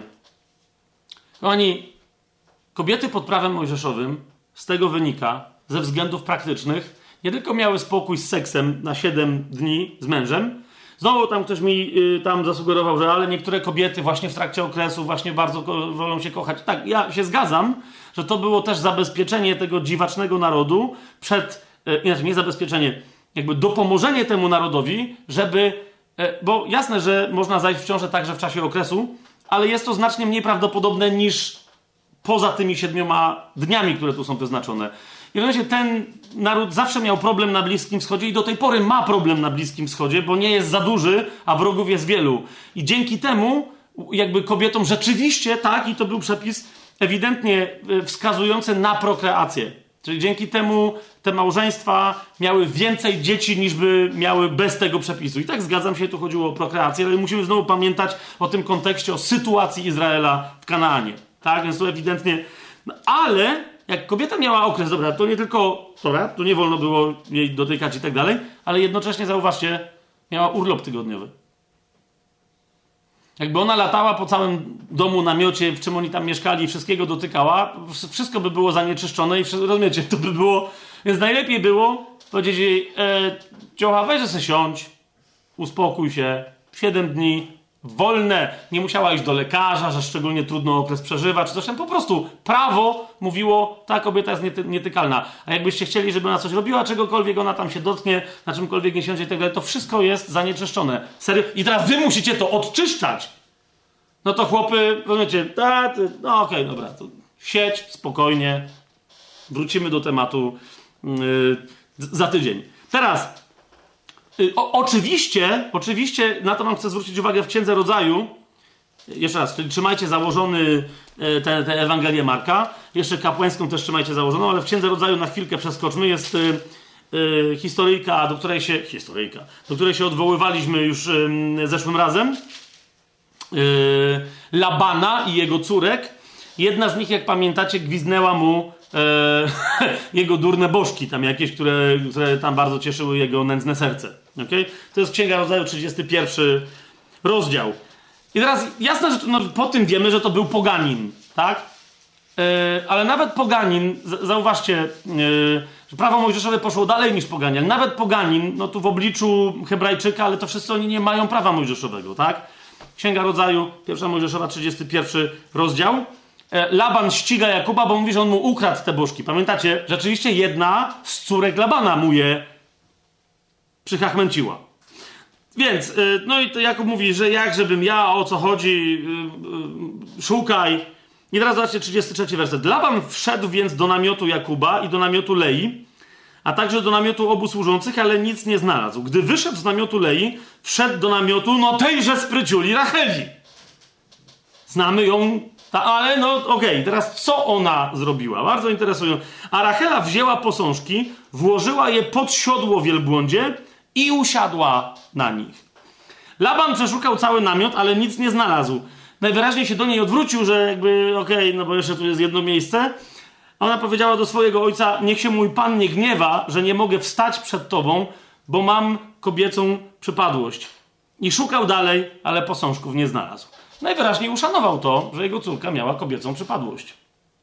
Prawo mojżeszowe poszło dalej, jak widzicie, i daje kobiecie urlop siedmiodniowy od jakichkolwiek czynności. Ona zasadniczo się niczego yy, nie ma dotykać. Ale mamy przypadek w 15 rozdziale Księgi Kapłańskiej, w 25 wersecie, który odnosi się do e, historii, od której zaczęliśmy, opisanej u Marka, z tą kobietą, która podeszła do Jezusa i się go dotknęła, potem musiała mu całą prawdę wyznawać. Otóż co mówi ten fragment? Księga Kapłańska, 15 rozdział, 25 werset. Jeżeli kobieta będzie miała ukry, upływ krwi przez wiele dni poza czasem swojej rytualnej nieczystości, albo jeśli upływ krwi będzie trwał dłużej niż czas jej odłączenia, wtedy będzie nieczysta przez wszystkie dni upływu jej nieczystości, jak w czasie jej odłączenia. No i tu rozumiecie, że zaczyna się problem. Tak? Ta kobieta, o której my mówimy, bo tam jest, wiecie, 27 werset, każde posłanie, 20, ktokolwiek dotknie tych rzeczy, będzie nieczysty i tak dalej, i tak dalej. Więc ona, yy, a jeszcze potem do tego prawo talmudyczne dołożyło, na bazie zasadniczo tego przepisu, Dlatego ona nie przyszła do Jezusa i nie powiedziała, czy mógłbyś mnie uzdrowić, czy. Bo ona widziała, że Jezus kładzie ręce na chorych. Prawdopodobnie się bała, że w momencie, kiedy on położy, na, że on nie położy na niej ręk, rąk, no wiecie, nie widziała tego, o czym my wiemy, że on i kładł ręce i na trędowatych, i na umarłych i tak dalej, to nie byłby żaden problem, ale ona o tym nie wiedziała. Więc podeszła do niego od tyłu, licząc na to, że po prostu to jest człowiek, który chodzi pod mocą i że stanie się dokładnie to, co się stało, czyli że wyjdzie z niego moc i będzie uzdrowiona. Zobaczcie, ona nie chciała za wszelką cenę, i to Słowo Boże opisuje, wróćmy do tego piątego rozdziału, ona za wszelką cenę nie chciała jego dotknąć, tak? bo tam byłyby tego gorsze konsekwencje. Dotknęła tylko jego szat, co nadal zanieczyszczało te szaty, no ale też zanieczyszczało Jezusa, ale to było trochę jakby inne. Zresztą ona liczyła, ona dokładnie, rozumiecie, wycyzelowała ten moment, żeby właśnie ten tłum napierał na Jezusa, żeby nikt nie wiedział, że jeszcze ona w tym tłumie się dotknęła go. Nie? I teraz zauważcie, Jezus mógłby wiedzieć, co się stało i mógłby pójść. Ok? A Jezus nie tylko po pozwala wyjść z niego mocy uzdrowieńczej, która ją dotyka i uzdrawia fizycznie, ale on ją uzdrawia także emocjonalnie. On jej przywraca całą godność. Plus, zwróćcie uwagę, nadal już nikt nic nie wie. Nikt nic nie sprawdzi. Ona jest zdrowa. ok? Co znaczy, że jest zdrowa? Nie, że upływ krwi ustał. To znaczy, że od tej pory będzie miała normalny okres, ponieważ to był właśnie przypadek yy, kapłańskiej 15-25. To był niekończący się okres. Tak? E, sam parokrotnie pracowałem z kobietami, które miały z czegoś tam wynikającą, zresztą z tego co pamiętam, u chyba wszystkich z nich nie do końca zdiagnozowaną dokładnie taką przypadłość, tak? Że w momencie zaczęły krwawić, to był jakiś tam okres i on się po prostu nigdy nie kończył, tak? Więc potem brały jakieś tam specjalne, jakieś tam, nie wiem, sterydy, hormony, nie wiem co to tam się działo, żeby to powstrzymać, ale to nie było, wiecie, to nie było uzdrowienie, nie? A tu widzicie, jaki był opis, że no, tylko gorzej się jej działo przez te wszystkie jakieś tam próby próby rozwiązań. Więc też ja widziałem, jak te kobiety w swojej kobiecości, z którymi ja pracowałem, były po prostu zranione, poniżone, jakby takie nie wiedziały co e, i jeszcze sobie przepisywały poczucie winy. A teraz rozumiecie, e, dla, dlatego ona, ma, zobaczcie ten piąty rozdział, 33 werset, kobieta ze strachem i z drżeniem, wiedząc co się z nią stało, no bo wiedziała też na co była chora, co ona zrobiła, tak? Tu mistrz i teraz ona, tu tłumy się cisną, on teraz musi powiedzieć, dobra, odejdźcie ode mnie, bo jestem nieczysty. On powinien tak zrobić, skoro wiedział co, ale Jezus jest, rozumiecie, on jest wypełnieniem prawa, tak? Więc, więc ona dlatego upadła, wyznała mu całą prawdę, że, rozumiecie, myślę, że to zresztą nie jest powiedziane co do końca, tylko że ona się dotknęła. Myślę, że Jezus jej przerwał w momencie, kiedy zaczęła mówić, dlaczego ona się go dotknęła, tak? On powiedział do niej, córko, Swoją drogą, zauważcie, on idzie w tym momencie do dziewczynki, do której zaraz wrócimy, tak? O której człowiek mówi, dziewczy- moja córeczka. Nie? I Jezus mówi, czy jest to mała dziewczynka, która jeszcze nie miała okresu, a jest stworzona po to, aby być zdrową, dojrzałą, cudownie przynoszącą wszelki owoc w życiu kobietą, do której to osobowości fizycznej nie tylko należy to, że ma okres, nie tylko ona jest dla mnie ważna, ale ty też jesteś dla mnie ważna. Znaczy w drugą, tamta jeszcze nie miała okresu, tej się przez 12 lat okres nie skończył, tak? Te 12 lat, pamiętajcie, bo nie, to jest nie przypadek, że te dwie historie są złożone. I Jezus do niej mówi: Jesteś taką samą moją córką. Córko, Twoja wiara cię uzdrowiła. I jeszcze raz, tak samo do niej mówi: idź w pokoju, i jeszcze jej, zauważcie, gwarantuje: bądź uzdrowiona ze swojej choroby. Nie powiedział, co to jest, i dlatego według mnie Marek nie mówi, do, do którego momentu ona dojechała, ale on się do tego nie odniósł. On tylko mówi, ja wiem, co ci było, ty wiesz, co ci było, idź. Przez to, bo również, rozumiecie, ludzie też e, mogli tam świrować, że hej, hej, ale mistrz, jak to dotknął się tej kobiety, to nikt nie zauważył, że on jest nieczysty. Z tego samego powodu, jak za chwilę będzie wchodzić do córki Jaira, to również on powie, ona nie umarła, tylko śpi. No bo do śpiącej mógł wejść. Rozumiecie o co chodzi? Do umarłej, nawet jakby się okazało, że żyje, ale dotknął się umarłej, to już byłby pewien problem. W każdym razie, mamy 12 lat kobietę cierpiącą na krwotok. Zauważcie, yy, no, jedna z najgorszych możliwych przypadłości związanych z okresem. Jakby wiecie, powiedziałbym, bo nie chcę w to teraz wchodzić, ale naprawdę znam kobiety, z którymi pracowaliśmy i osobiście, ale też w grupach i tak dalej dla których medytacja nad tym całym fragmentem yy, o tych dwóch, o tej dziewczynce i o tej kobiecie, jakby przynosiła medytacja, w sensie nie jakiś New Age'owa, tylko rozważanie tego słowa, modlitwy i tak dalej, przynosiła im uzdrowienie w wielu aspektach ich kobiecości, włącznie z fizyczną, jest nie dzisiaj historia na to, fizyczną, z, zmianą fizycznego podejścia do, do okresu, że on się stawał mniej bolesny i tak dalej, i tak dalej, bo to często się wiąże z nieakceptowaniem do końca swojej kobiecości. I ta historia ewidentnie pokazuje mnie, Jezus mówi, rozumiesz, Jezus mówi do tej kobiety, córko, mnie to interesuje, żebyś ty miała normalny, regularny, zdrowy okres. Tak Jezusa interesują okresy kobiet. Zostawiam tą ciszę, żeby wiecie, e, cała cały dyskomfort się rozlał u tych, u których ma wywołać dyskomfort? Tak, Jezusa to bardzo interesuje. I teraz, gdy on jeszcze mówił do tej kobiety, bo zauważcie, to jest, ona się w środku włącza do historii, którą okala historia córki Jaira. Tak? Gdy on jeszcze mówił, przyszli ludzie od przełożonego synagogi i powiedzieli, twoja córka umarła. Czemu jeszcze trudzisz nauczyciela? Ale Jezus, gdy tylko usłyszał, co mówili, powiedział do przełożonego synagogi: Nie bój się, tylko wiesz. On a dopiero co powiedział córko, twoja wiara. Tak? Twoja wiara. Więc nie pozwolił iść ze sobą nikomu oprócz Piotra, Jakuba i Jana, brata Jakubowego.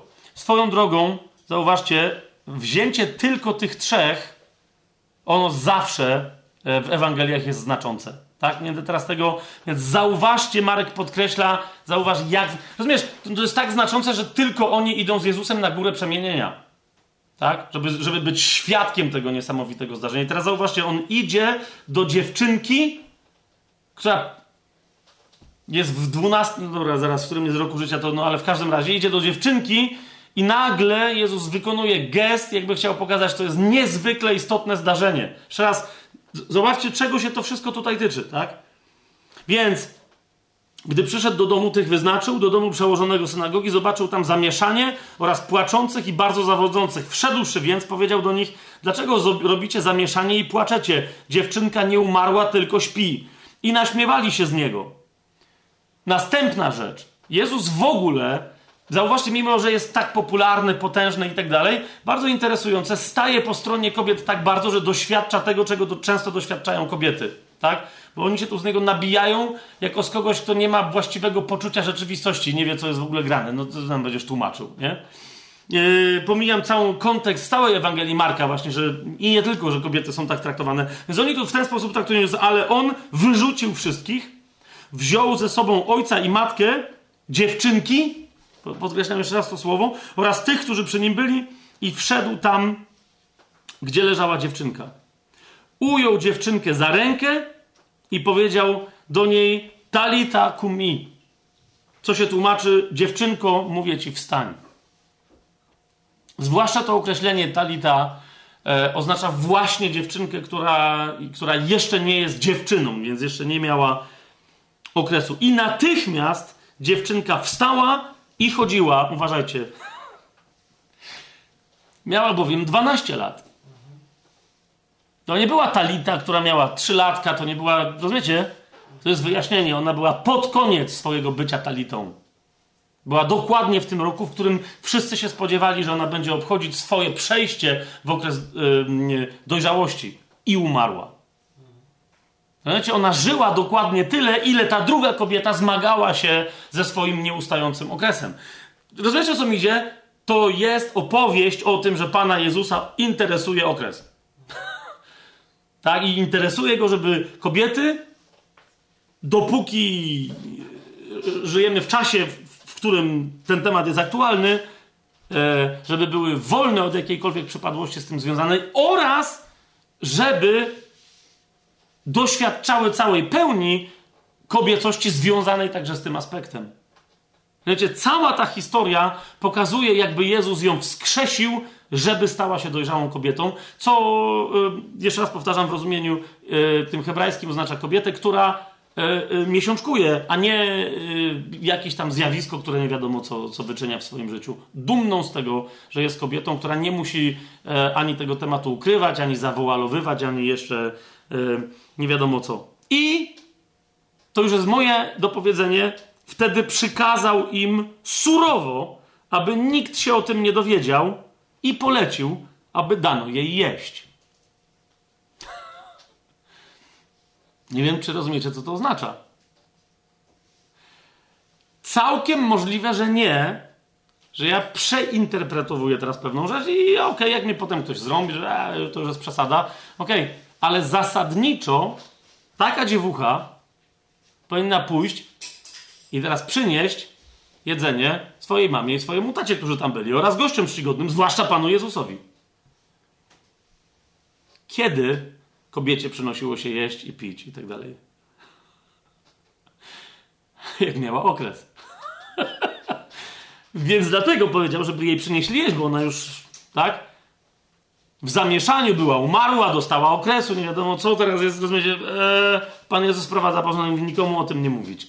Tak? I żyjcie. I żyjcie. I poszli. Jeszcze raz, czy to jest tu wprost powiedziane? Nie. Ale jeszcze raz przyjrzyjcie się prawu. Ta dziewucha powinna wstać i wszystkim usługiwać. Pamiętacie, co się stało z teściową Piotra, jak tylko ją uzdrowił? Od razu wstała, zaczęła latać. Po prostu. Tym bardziej taka dziołcha. Co to ma znaczyć? Chyba, że przestała być talita. Nie będę teraz tego tematu E, nie będę teraz tego tematu rozwijać, bo chciałbym dzisiaj chociaż Pana Jezusa skończyć, bo już widzę, że dalej do Pism Przymierza Nowego nie... nie... No dobra, tylko szybciutko. Ewangelię Mateusza sobie otwórzmy. E, jeszcze raz, no ja tylko naprawdę tu wiecie, w kwestii e, okresu to się tylko prześlizgnąłem po temacie, przepraszam, ale jeszcze raz, no, po, jak po, po wielu innych tych rzeczach. Tam jest naprawdę, są, jest głębiej, głębiej, głębiej. Po prostu Jezus jest genialny. Mua! To było Bacio per Gesù. To było całusek dla Jezuska. Eee, małżeństwo, temat małżeństwa, 19 rozdział e, od trzeciego do dziesiątego wersetu. Eee, no, wypowiedź Pana, Je, Pana Jezusa, y, która jak ją usłyszeli uczniowie w dziesiątym wersecie Mateusz 19:10 powiedzieli to jak tak się ma sprawa mężczyzny z żoną, to lepiej się w ogóle nie żenić.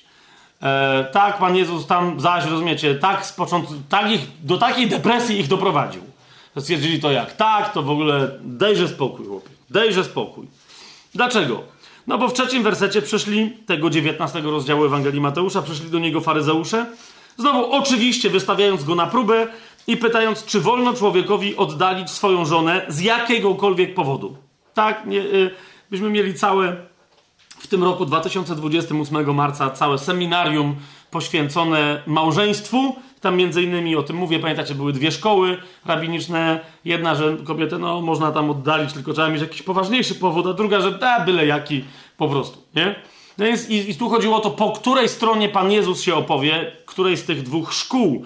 A on im odpowiedział, nie czytaliście, co nawiasem mówiąc jest, wiecie... Yy, no bezpośrednim przytykiem do tego, że dobra, wy sobie jakieś tam historie opowiadacie, ale no nie wiem, czy sobie zdajecie sprawę, że jest Słowo Boże zapisane. Więc y, dlaczego mam się odnosić do waszych dyskusji, nawet jeżeli są zapisane, ale nie są Słowem Bożym, jeżeli istnieje Słowo zapisane. Więc mówi, nie czytaliście, że ten, który stworzył na początku człowieka, uczynił ich mężczyzną i kobietą? Więc Pan Jezus wyraźnie w kwestii małżeństwa mówi małżeństwo, nie patrzymy na małżeństwo przez pryzmat upadku, tylko przez pryzmat stworzenia. Zresztą pamiętacie, e, jak się pojawia kobieta, zaraz następuje komentarz de facto małżeński, że tak oto pojawiła się nie kobieta, tylko żona dla męża, tak? E, no, ale to już e, o tym już mówiliśmy. Opuścił mężczyzna ojca i matkę. Dokładnie ten fragment cytuje Pan Jezus w piątym wersecie, dlatego opuści mężczyzna ojca i matkę i połączy się ze swoją żoną i będą dwoje jednym ciałem, a tak już nie są dwoje, ale jedno ciało, co więc Bóg złączył, człowiek niech nie rozłącza.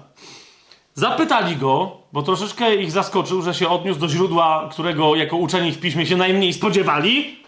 Jak wielu religijnych ludzi w chrześcijaństwie, którzy się powołują na pisma, a potem są zdziwieni, co tam naprawdę jest napisane. Zapytali go, dlaczego więc Mojżesz nakazał dać list rozwodowy i oddalić ją. E, ja już pomijam, zauważcie, jak ci ludzie no, zdradzają sami siebie w tym pytaniu. Pan Jezus mówi, od początku było mój ojciec, Bóg.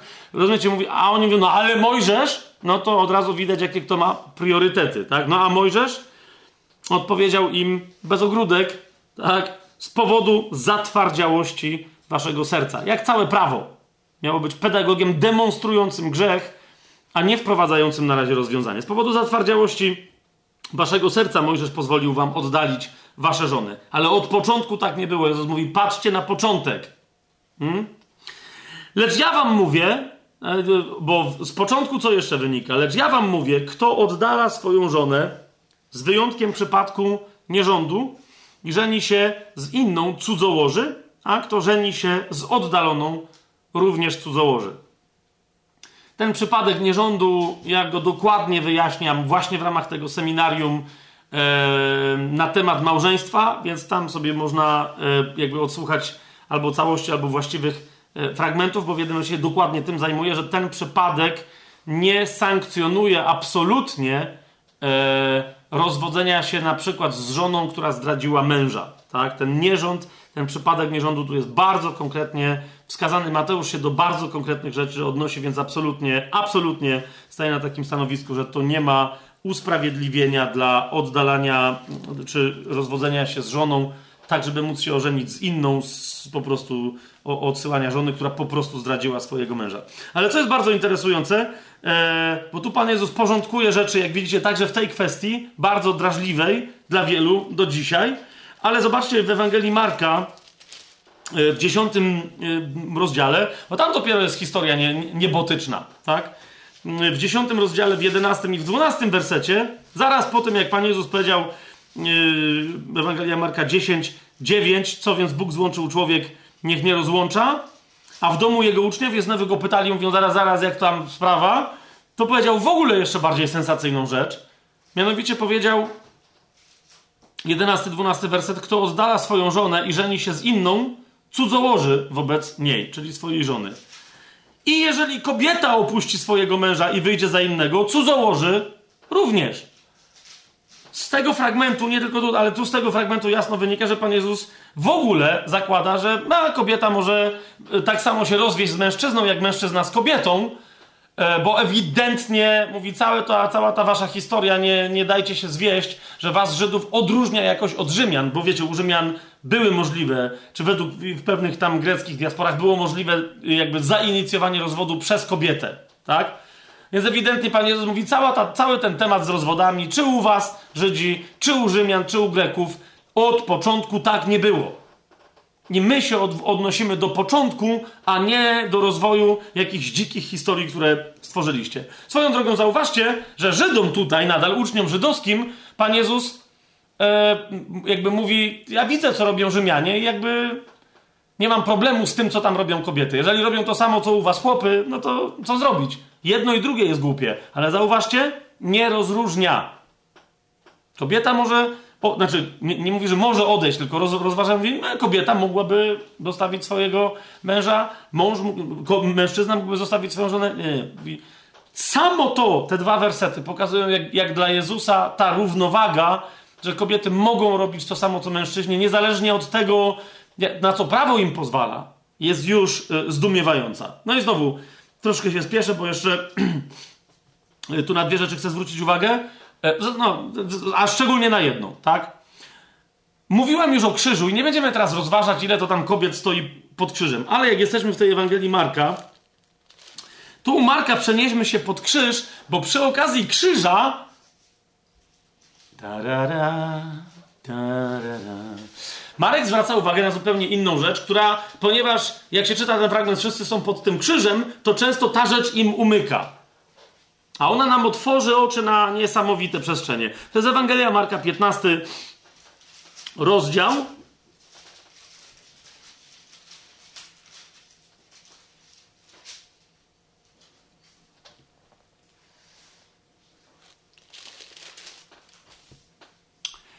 Eee, zaraz po tym, jak setnik mówi o tym, że prawdziwie ten człowiek był synem Bożym, zobaczcie, Marek daje komentarz. I teraz jeszcze raz, Marek jest szybki. Nie? To jest, wiecie, to jest dynamiczna Ewangelia, to jest thriller.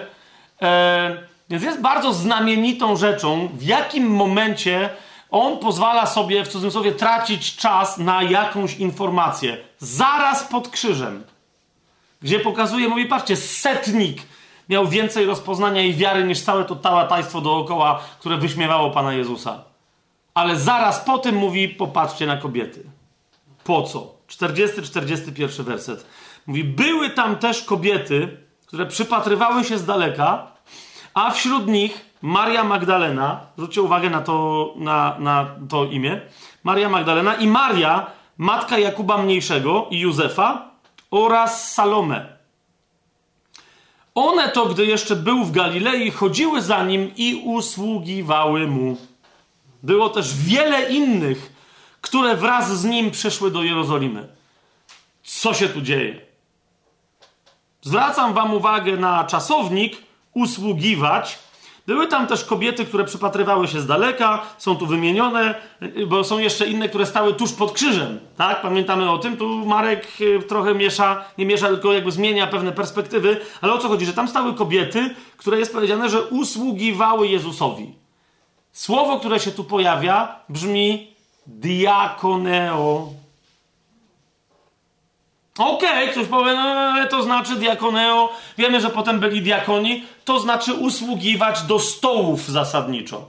Diakoni, w odróżnieniu od apostołów, mieli co? Rozdzielać jedzenie dla wdów greckich w pierwotnym kościele, dla wdów greckich i y, dla wdów heleńskich, czyli no, y, greckich i dla wdów y, hebrajskich, tak? Czyli żydowskich. Obsługiwali stoły. No one też, no co? No oni tam przecież wszyscy poważni mężczyźni, baby za nimi chodziły jako służące. Zrozum to. To były służące. I to nie chodzi on, o to z nimi, jak później z diakonami. Bo to byli poważni mężczyźni. Oni byli odpowiedzialni za pieniądze, za które były kupowane rzeczy, które prawdopodobnie na stoły znowu jakieś takie diakonujące, służące roznosiły. Mhm. Pamiętacie tą Marię Magdalenę? To świetnie, ponieważ w Ewangelii Łukasza w ósmym rozdziale na temat tych służących Łukasz mówi następującą rzecz. Tam było, pamiętacie, wiele kobiet, które przyszły z Jezusem do Jerozolimy.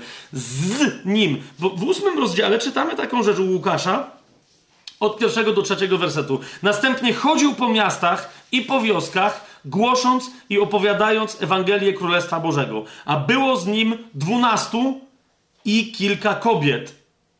O!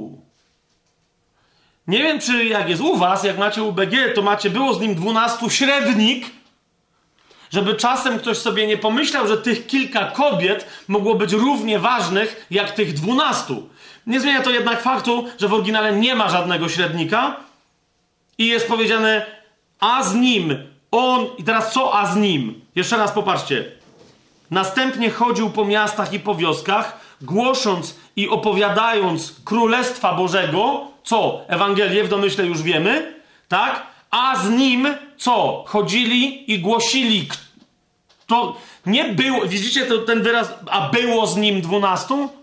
Nie, nie, nie. On chodził, głosił Ewangelię o Królestwie, a z nim to samo, kto robiło? Dwunastu i kilka kobiet. Jakby tego było mało, dwunastu, no jest dwunastu, a tych kilka kobiet, kilka kobiet, które uwolnił od złych duchów i chorób. Hmm? Kto wielce umiłował? Maria, zwana Magdaleną, z której wyszło siedem demonów, Joanna, żona Chuzy, zarządcy Heroda, Zuzanna, uważajcie, i wiele innych, które służyły mu swoimi dobrami. Tam, teredam, tam, tam, ta. Czyli to nie były dziełuszki, co latały przy stołach i oni mówili, eee, Zuzia, jeszcze dwa piwa. Tylko cała ta ekipa mogła funkcjonować, ponieważ te kobiety były z nimi, łożąc swoje, swoje, podkreślam, pieniądze na to, żeby Jezus mógł funkcjonować, a z nim cała reszta. Teraz jeszcze raz się przyjrzyjcie temu ciupasowi Judaszowi. Ok? Zobaczcie, jak miała tamta na imię, za czyje pieniądze wylała Jezusowi co na głowę i z czyich pieniędzy Judasz w ogóle miał na to, żeby dawać ubogim, a. I nie dość, że miał to od kobiet, jak się dowiadujemy, to dokładnie jak jedna go zdenerwowała, w każdym razie to, że Jezus był raczej za nią niż za nim, to dokładnie wtedy się obraził. Zobaczcie, co się tu dzieje. Historia jest znacznie bardziej złożona. Kobiet tu jest mnóstwo. Dlaczego ja w filmach o Panu Jezusie nigdy nie widziałem tego tłumu kobiet, które są ważne? Nie tylko, które... Wszyscy mi zawsze mówią, no bo wiesz, bo tam było 5 tysięcy mężczyzn i nie wiadomo ile kobiet i dzieci. Patrz, jak Biblia je traktuje. Biblia traktuje kobiety wraz z dziećmi, bo kobiety wtedy miały dzieci, dosyć powszechnie, jako tak oczywiste osoby chodzące za Jezusem, że niespecjalnie trzeba. Sukcesem było, że tam się 5 tysięcy chłopa zebrało. To był sukces. Tak? To, że były kobiety i niektórzy też to próbują, wiecie, wypłaszczyć i one, bo wiadomo, baby są religijne, baby zawsze latają. Nie baby, które mają dzieci. Stare baby. Jeżeli już ktoś kogoś chce obrażać. Rozumiecie o co mi chodzi? Właśnie takie, co już nie, nie muszą się dziećmi zajmować, no a wnuki biorą od synowej czy tam kogoś tam na chwilę, ale potem nara, mam różaniec. I to jest jasne, no mama ma różaniec, nie może się na razie zająć wnukami, tak? Czy coś w tym stylu. Nie, tam było powiedziane, były kobiety z dziećmi, znaczy, że były młode kobiety, kobiety w kwiecie wieku, kobiety, które miały te dzieci jeszcze niesamodzielne, tak? A z nimi konkretną liczbę mężczyzn, bo to było sensacyjne. To, że za jakimś uczniem, chodzi, yy, mistrzem chodzili uczniowie, to było normalne. Chodziło o mężczyzn, którzy nie byli, rozumiecie o co mi chodzi? Którzy nie byli uczniami, a byli tam, gdzie Jezus głosił. Kobiety, mm, ale jeszcze raz zobaczcie, jaka tu jest zażyłość i yy, również jaka tu jest struktura organizacyjna. Że Łukasz o tym pisze otwarcie. Je Jezus w ogóle nie ma żadnego z tym problemu. Ja jestem w rękach kobiet. Kobiety mnie utrzymują. I, I jednocześnie te kobiety, wiecie, to słowo diakoneo, co oznacza? E, no właśnie, ono się nie pojawia wcale w dziejach apostolskich, ale z dziejów apostolskich się dowiadujemy, że oznacza pełną kontrolę i zarządzanie nad dobrami, zarządzanie dobrami materialnymi. Apostołowie mówią, my się oddamy modlitwie i posłudze słowa, a wy się zajmijcie całą resztą. No przecież nie będziemy rozważać spory, kto dostał więcej ze wspólnych dóbr materialnych. To robiły kobiety przy Jezusie. I jak ja potem słyszę historię, że no ale później już nie robiły, w tamtej społeczności w Jerozolimie, która była, jeszcze raz powtórzę, Jerozolimą, w której wiemy później, co się działo, że, że musiał Paweł z Barnabą tam przyjść i się tłumaczyć, że nie obrzezują pogan. Pamiętacie? Jak przyszedł on, radzili mu idź do świątyni i tak dalej, bo my tu jesteśmy chrześcijany, ale z całym tym judaizmem lokalnym musimy cały czas nie wchodzić im w drogę i nie dolewać oliwy do ognia. Tak? To, że pierwotny kościół wyznaczył tam siedmiu diakonów, nie zmienia faktu, że później widzimy diakonów żeńskich, kobiety usługujące, mające pełną władzę, nie tylko nad dobrami materialnymi Kościoła. O tym jeszcze później e, będziemy mówić konkretnie, ale musimy zobaczyć, co, czym, co się tu dzieje. To, nie były fanki Jezusa, bo niektórzy, wiecie, też to tak spłycają, że po prostu Jezus był, wiesz, niesamowitą postacią, no i te kobiety za nim latały. Efekt gwiazdy roka. No może, no może. Tylko, że to nie są nastolatki, jeszcze raz powtarzam, tak? To nie są nastolatki. Są kobiety, które swoje przeszły, były uwolnione od demonów, miały tam zadziwiające y, różne trudne historie, tak? Jak wiecie, jak z kobiety siedem złych duchów wychodzi, to ona tam miała swoją historię, tak? To podkreślenie, że to była Maria z Magdali, bo Magdalena, podobnie jak Iskariota, o, oznacza, że, jest, że, że to jest Judasz z Kariotu. Podobnie jak Maria Magdalena oznacza, że to jest Maria z Magdali. Tak? To, to nie jest drugie imię czy nazwisko. Tak? To oznacza konkretne pochodzenie. Tak?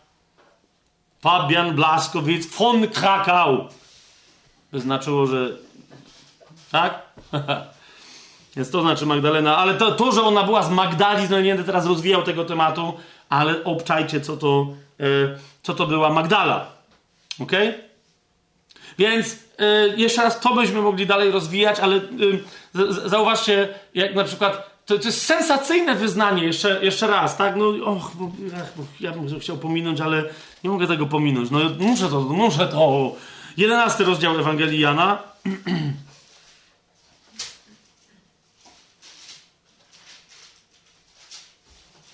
11 rozdział 5 werset. No zobaczcie na to zdanie. Jezus zaś miłował Martę i jej siostrę i Łazarza. Samo, samo to wyznanie, coś obcy, wiecie, że Jan, który sam z siebie był jego umiłowanym uczniem, tak? I on po pierwsze nie ma żadnego, żadnej spiny, po drugie nie mówi, że Łazarza, no i chłop miał jeszcze siostry, to im się lapsło przy okazji ze stołu pańskiego. Obsypało się, no i tam se poskubały. Nie! Idzie po kolei. Starsza siostra, młodsza siostra, jak sądzimy, Łazarz. Tak? To samo to zdanie. Miłował Martę i jej siostrę i Łazarza. Zresztą, no pamiętacie tę siostrę, tak? Jeszcze jedno, zobaczcie, ile jest tych fragmentów, tak? O, o kim jest powiedziane, że ona wzięła najlepszą cząstkę, której nie będzie nigdy pozbawiona. Tak, no właśnie o, o, o Marii yy, mówimy, nie? Więc Ewangelię Mateusza sobie otwórzmy.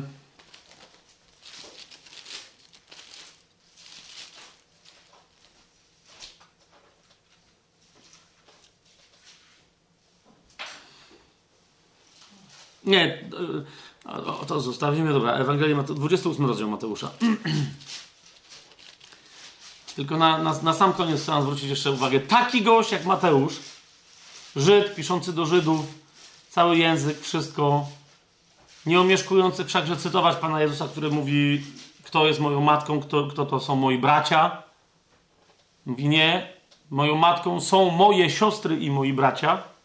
Ale to dobra, to sobie sami znajdźcie w Ewangelii Mateusza, na przykład w 12 rozdziale na, na, na końcu. Ale w 28 rozdziale, zobaczcie, co się tutaj dzieje. No tu e, dla Żyda, to tu coś tutaj się, tu coś się ewidentnie, coś się ewidentnie, jak mówi dzisiaj młodzież, mi się to bardzo podoba, od Janie Pawla. No to jest, no to jest, rozumiem, że jest skandal, ale to, co jeszcze potem, jakby jaki będzie komentarz na końcu, no to już jest w ogóle przejanie Pawlenie. To jest rozdział 28, zobaczcie, gdy skończył się szabat i świtało pierwszego dnia tygodnia, Maria Magdalena, no bo któż by? i druga Maria przyszły obejrzeć grób. Wiecie, to były obrotne babki. Poza tym, kto miał maści? Ten, kogo było na nie stać, umówmy się, bo to nie było. No bo zwyczajem kobiet było. Jakim zwyczajem kobiet było? Kto był odpowiedzialny za namaszczenie w pośpiechu Pana Jezusa i złożenie go do grobu? Co, co to była kobieta? Józefka z Arymatei? To był facet. To był obowiązek mężczyzn, ale no głosiów nie było stać. Tak? A inna rzecz, że się bali, bo to jeszcze jest dodatkowy, bo jeszcze kobiety pewnie by im dały, idźcież wy. Wyobraźcie sobie, te kobiety, one wiedziały czym, bo one tam były. Czym, jakim głazem tam był Jezus zawalony. Tam były straże rzymskie i tak dalej. Rozumiecie? I one idą przez wiarę. Że jakoś tam się dostaniemy, nie wiemy jak. Może przekupimy tych Rzymian albo coś. Maria Magdalena, druga Maria poszła obejrzeć grób, a oto powstało wielkie trzęsienie ziemi Anioł Pana bowiem wstąpiwszy z nieba podszedł, odwalił kamień od wejścia i usiadł na nim. No, pierwsza odpowiedź na ruch kobiet. W innych miejscach tam się zastanawiają, tam, pamiętacie Marię Magdalenę gdzie indziej, jak, jak ten kamień teraz odwalić. A Mateusz mówi, przyszedł anioł. Dobra, ale co dalej? Jego oblicze było jak błyskawica, jego szaty białe jak śnieg. Mm, to nie był zwyczajny anioł. Mm? Strażnicy drżeli ze strachu, stali się jak umarli. Tych tam zamroziło kompletny trans, kompletny. Anioł zaś powiedział do kobiet: Wy się nie bójcie. No one tam za bardzo się nie bały. Widać, że ich reakcja. Zauważcie, jak są przedstawiane kobiety przy tak istotnym elemencie, jakim jest ogłoszenie zmartwychwstania Chrystusa. Legioniści rzymscy wpadli w trans ze strachu. Tam pomijam reakcje fizjologiczne, jakie zapewne im zaczęły towarzyszyć w tym stanie katatonicznym. Tak? A kobiety, no nie mają takiego stanu, tylko on do nich mówi, wy się nie bójcie. No okej, okay, spoko. Wiem bowiem, że szukacie ukrzyżowanego Jezusa. Jeszcze raz, widzicie, co on mówi? Ja wiem, co wy robicie. To jest odpowiedź na waszą akcję. Wiem, że szukacie ukrzyżowanego Jezusa. Nie ma go tu. Powstał bowiem, jak powiedział, chodźcie, zobaczcie miejsce, gdzie leżał Pan. No to zobaczyły, jak się domyślamy. I teraz patrzcie, to kobiety dostają misję głoszenia zmartwychwstania Chrystusa. I na litość żyjącego Boga, jak możemy nie rozpoznać tego, zwłaszcza, że jeszcze czytamy dalej. Idźcie szybko i powiedzcie Jego uczniom, przenajświętszym, przebłogosławionym, przenajczcigodniejszym, których tu jakoś nie widzę, idźcie i powiedzcie Jego uczniom, że zmartwychwstał i oto udaje się do Galilei przed wami. Przed kim? Nie przed nimi, ale przed nimi, z wami. I wy im powiedzcie, ale wy też tam macie być, bo on idzie przed wami wszystkimi. Tam go ujrzycie. Oto wam powiedziałem. To znaczy, co wam miałem powiedzieć w ramach waszego ruchu, to misja jest wykonana. Oto ja wam powiedziałem. Odeszły więc szybko od grobu z bojaźnią, ale też z wielką radością i pobiegły przekazać to jego uczniom. Kiedy szły tak przekazać to jego uczniom, zobaczcie co się dzieje. Nagle Jezus wyszedł im na spotkanie i powiedział: Witajcie. No odlot! Co za historia! No zobaczcie, jak Jezus przychodzi do uczniów. O, one się już nie boją, ok? Jak przychodzi do uczniów, to musi ich tam, wiecie, nie? Uspokajać. Relax, my, what's up? To ja jestem, nie duch, nie lękajcie się. Mimo, że oni już wiedzieli od tych kobiet. No ale dobra. One podeszły, jeszcze raz zauważcie, objęły go za nogi i oddały mu pokłon. Cały czas to samo. Obejmowanie Jezusa za nogi. Co trzeba mieć w głowie, czy on stoi, czy on leży, jak ktoś mu się rzuca do nóg. Wiecie o co mi chodzi? Wtedy Jezus powiedział do nich: Nie bójcie się, idźcie, powiedzcie moim braciom, aby poszli do Galilei. Tam mnie ujrzą. No to nie tylko, że uczniowie, ale jeszcze i bracia. A to no jakieś bidne dziobki. No, one pobiegły, przekazały, co miały przekazać. I teraz o co mi chodzi? Zobaczcie na szesnasty werset.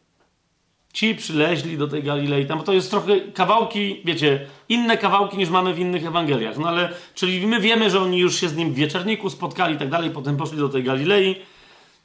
Pan Jezus jest tuż przed pójściem do nieba w Ewangelii Mateusza. 16 werset. 11 uczniów poszło do Galilei na górę, na którą Jezus im polecił. 17 werset. A gdy go ujrzeli, oddali mu pokłon. Zauważcie, robią to samo, co tamte kobiety. Niektórzy jednak wątpili. No serio?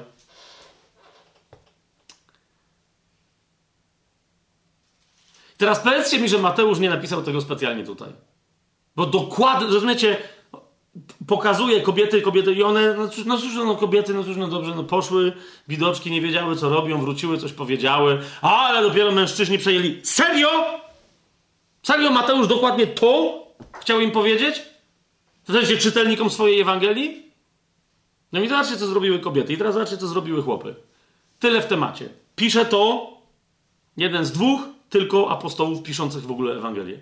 Tak? Jana, to nawet, wiecie, nawet, no Jana nie komentuje, no bo Jan, tak, dopiero co się nacytowaliśmy z niego. Ale tu masz Mateusza.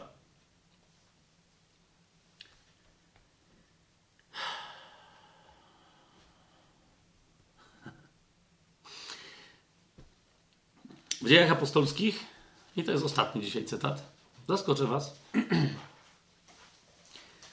W dziejach apostolskich 17 rozdziale.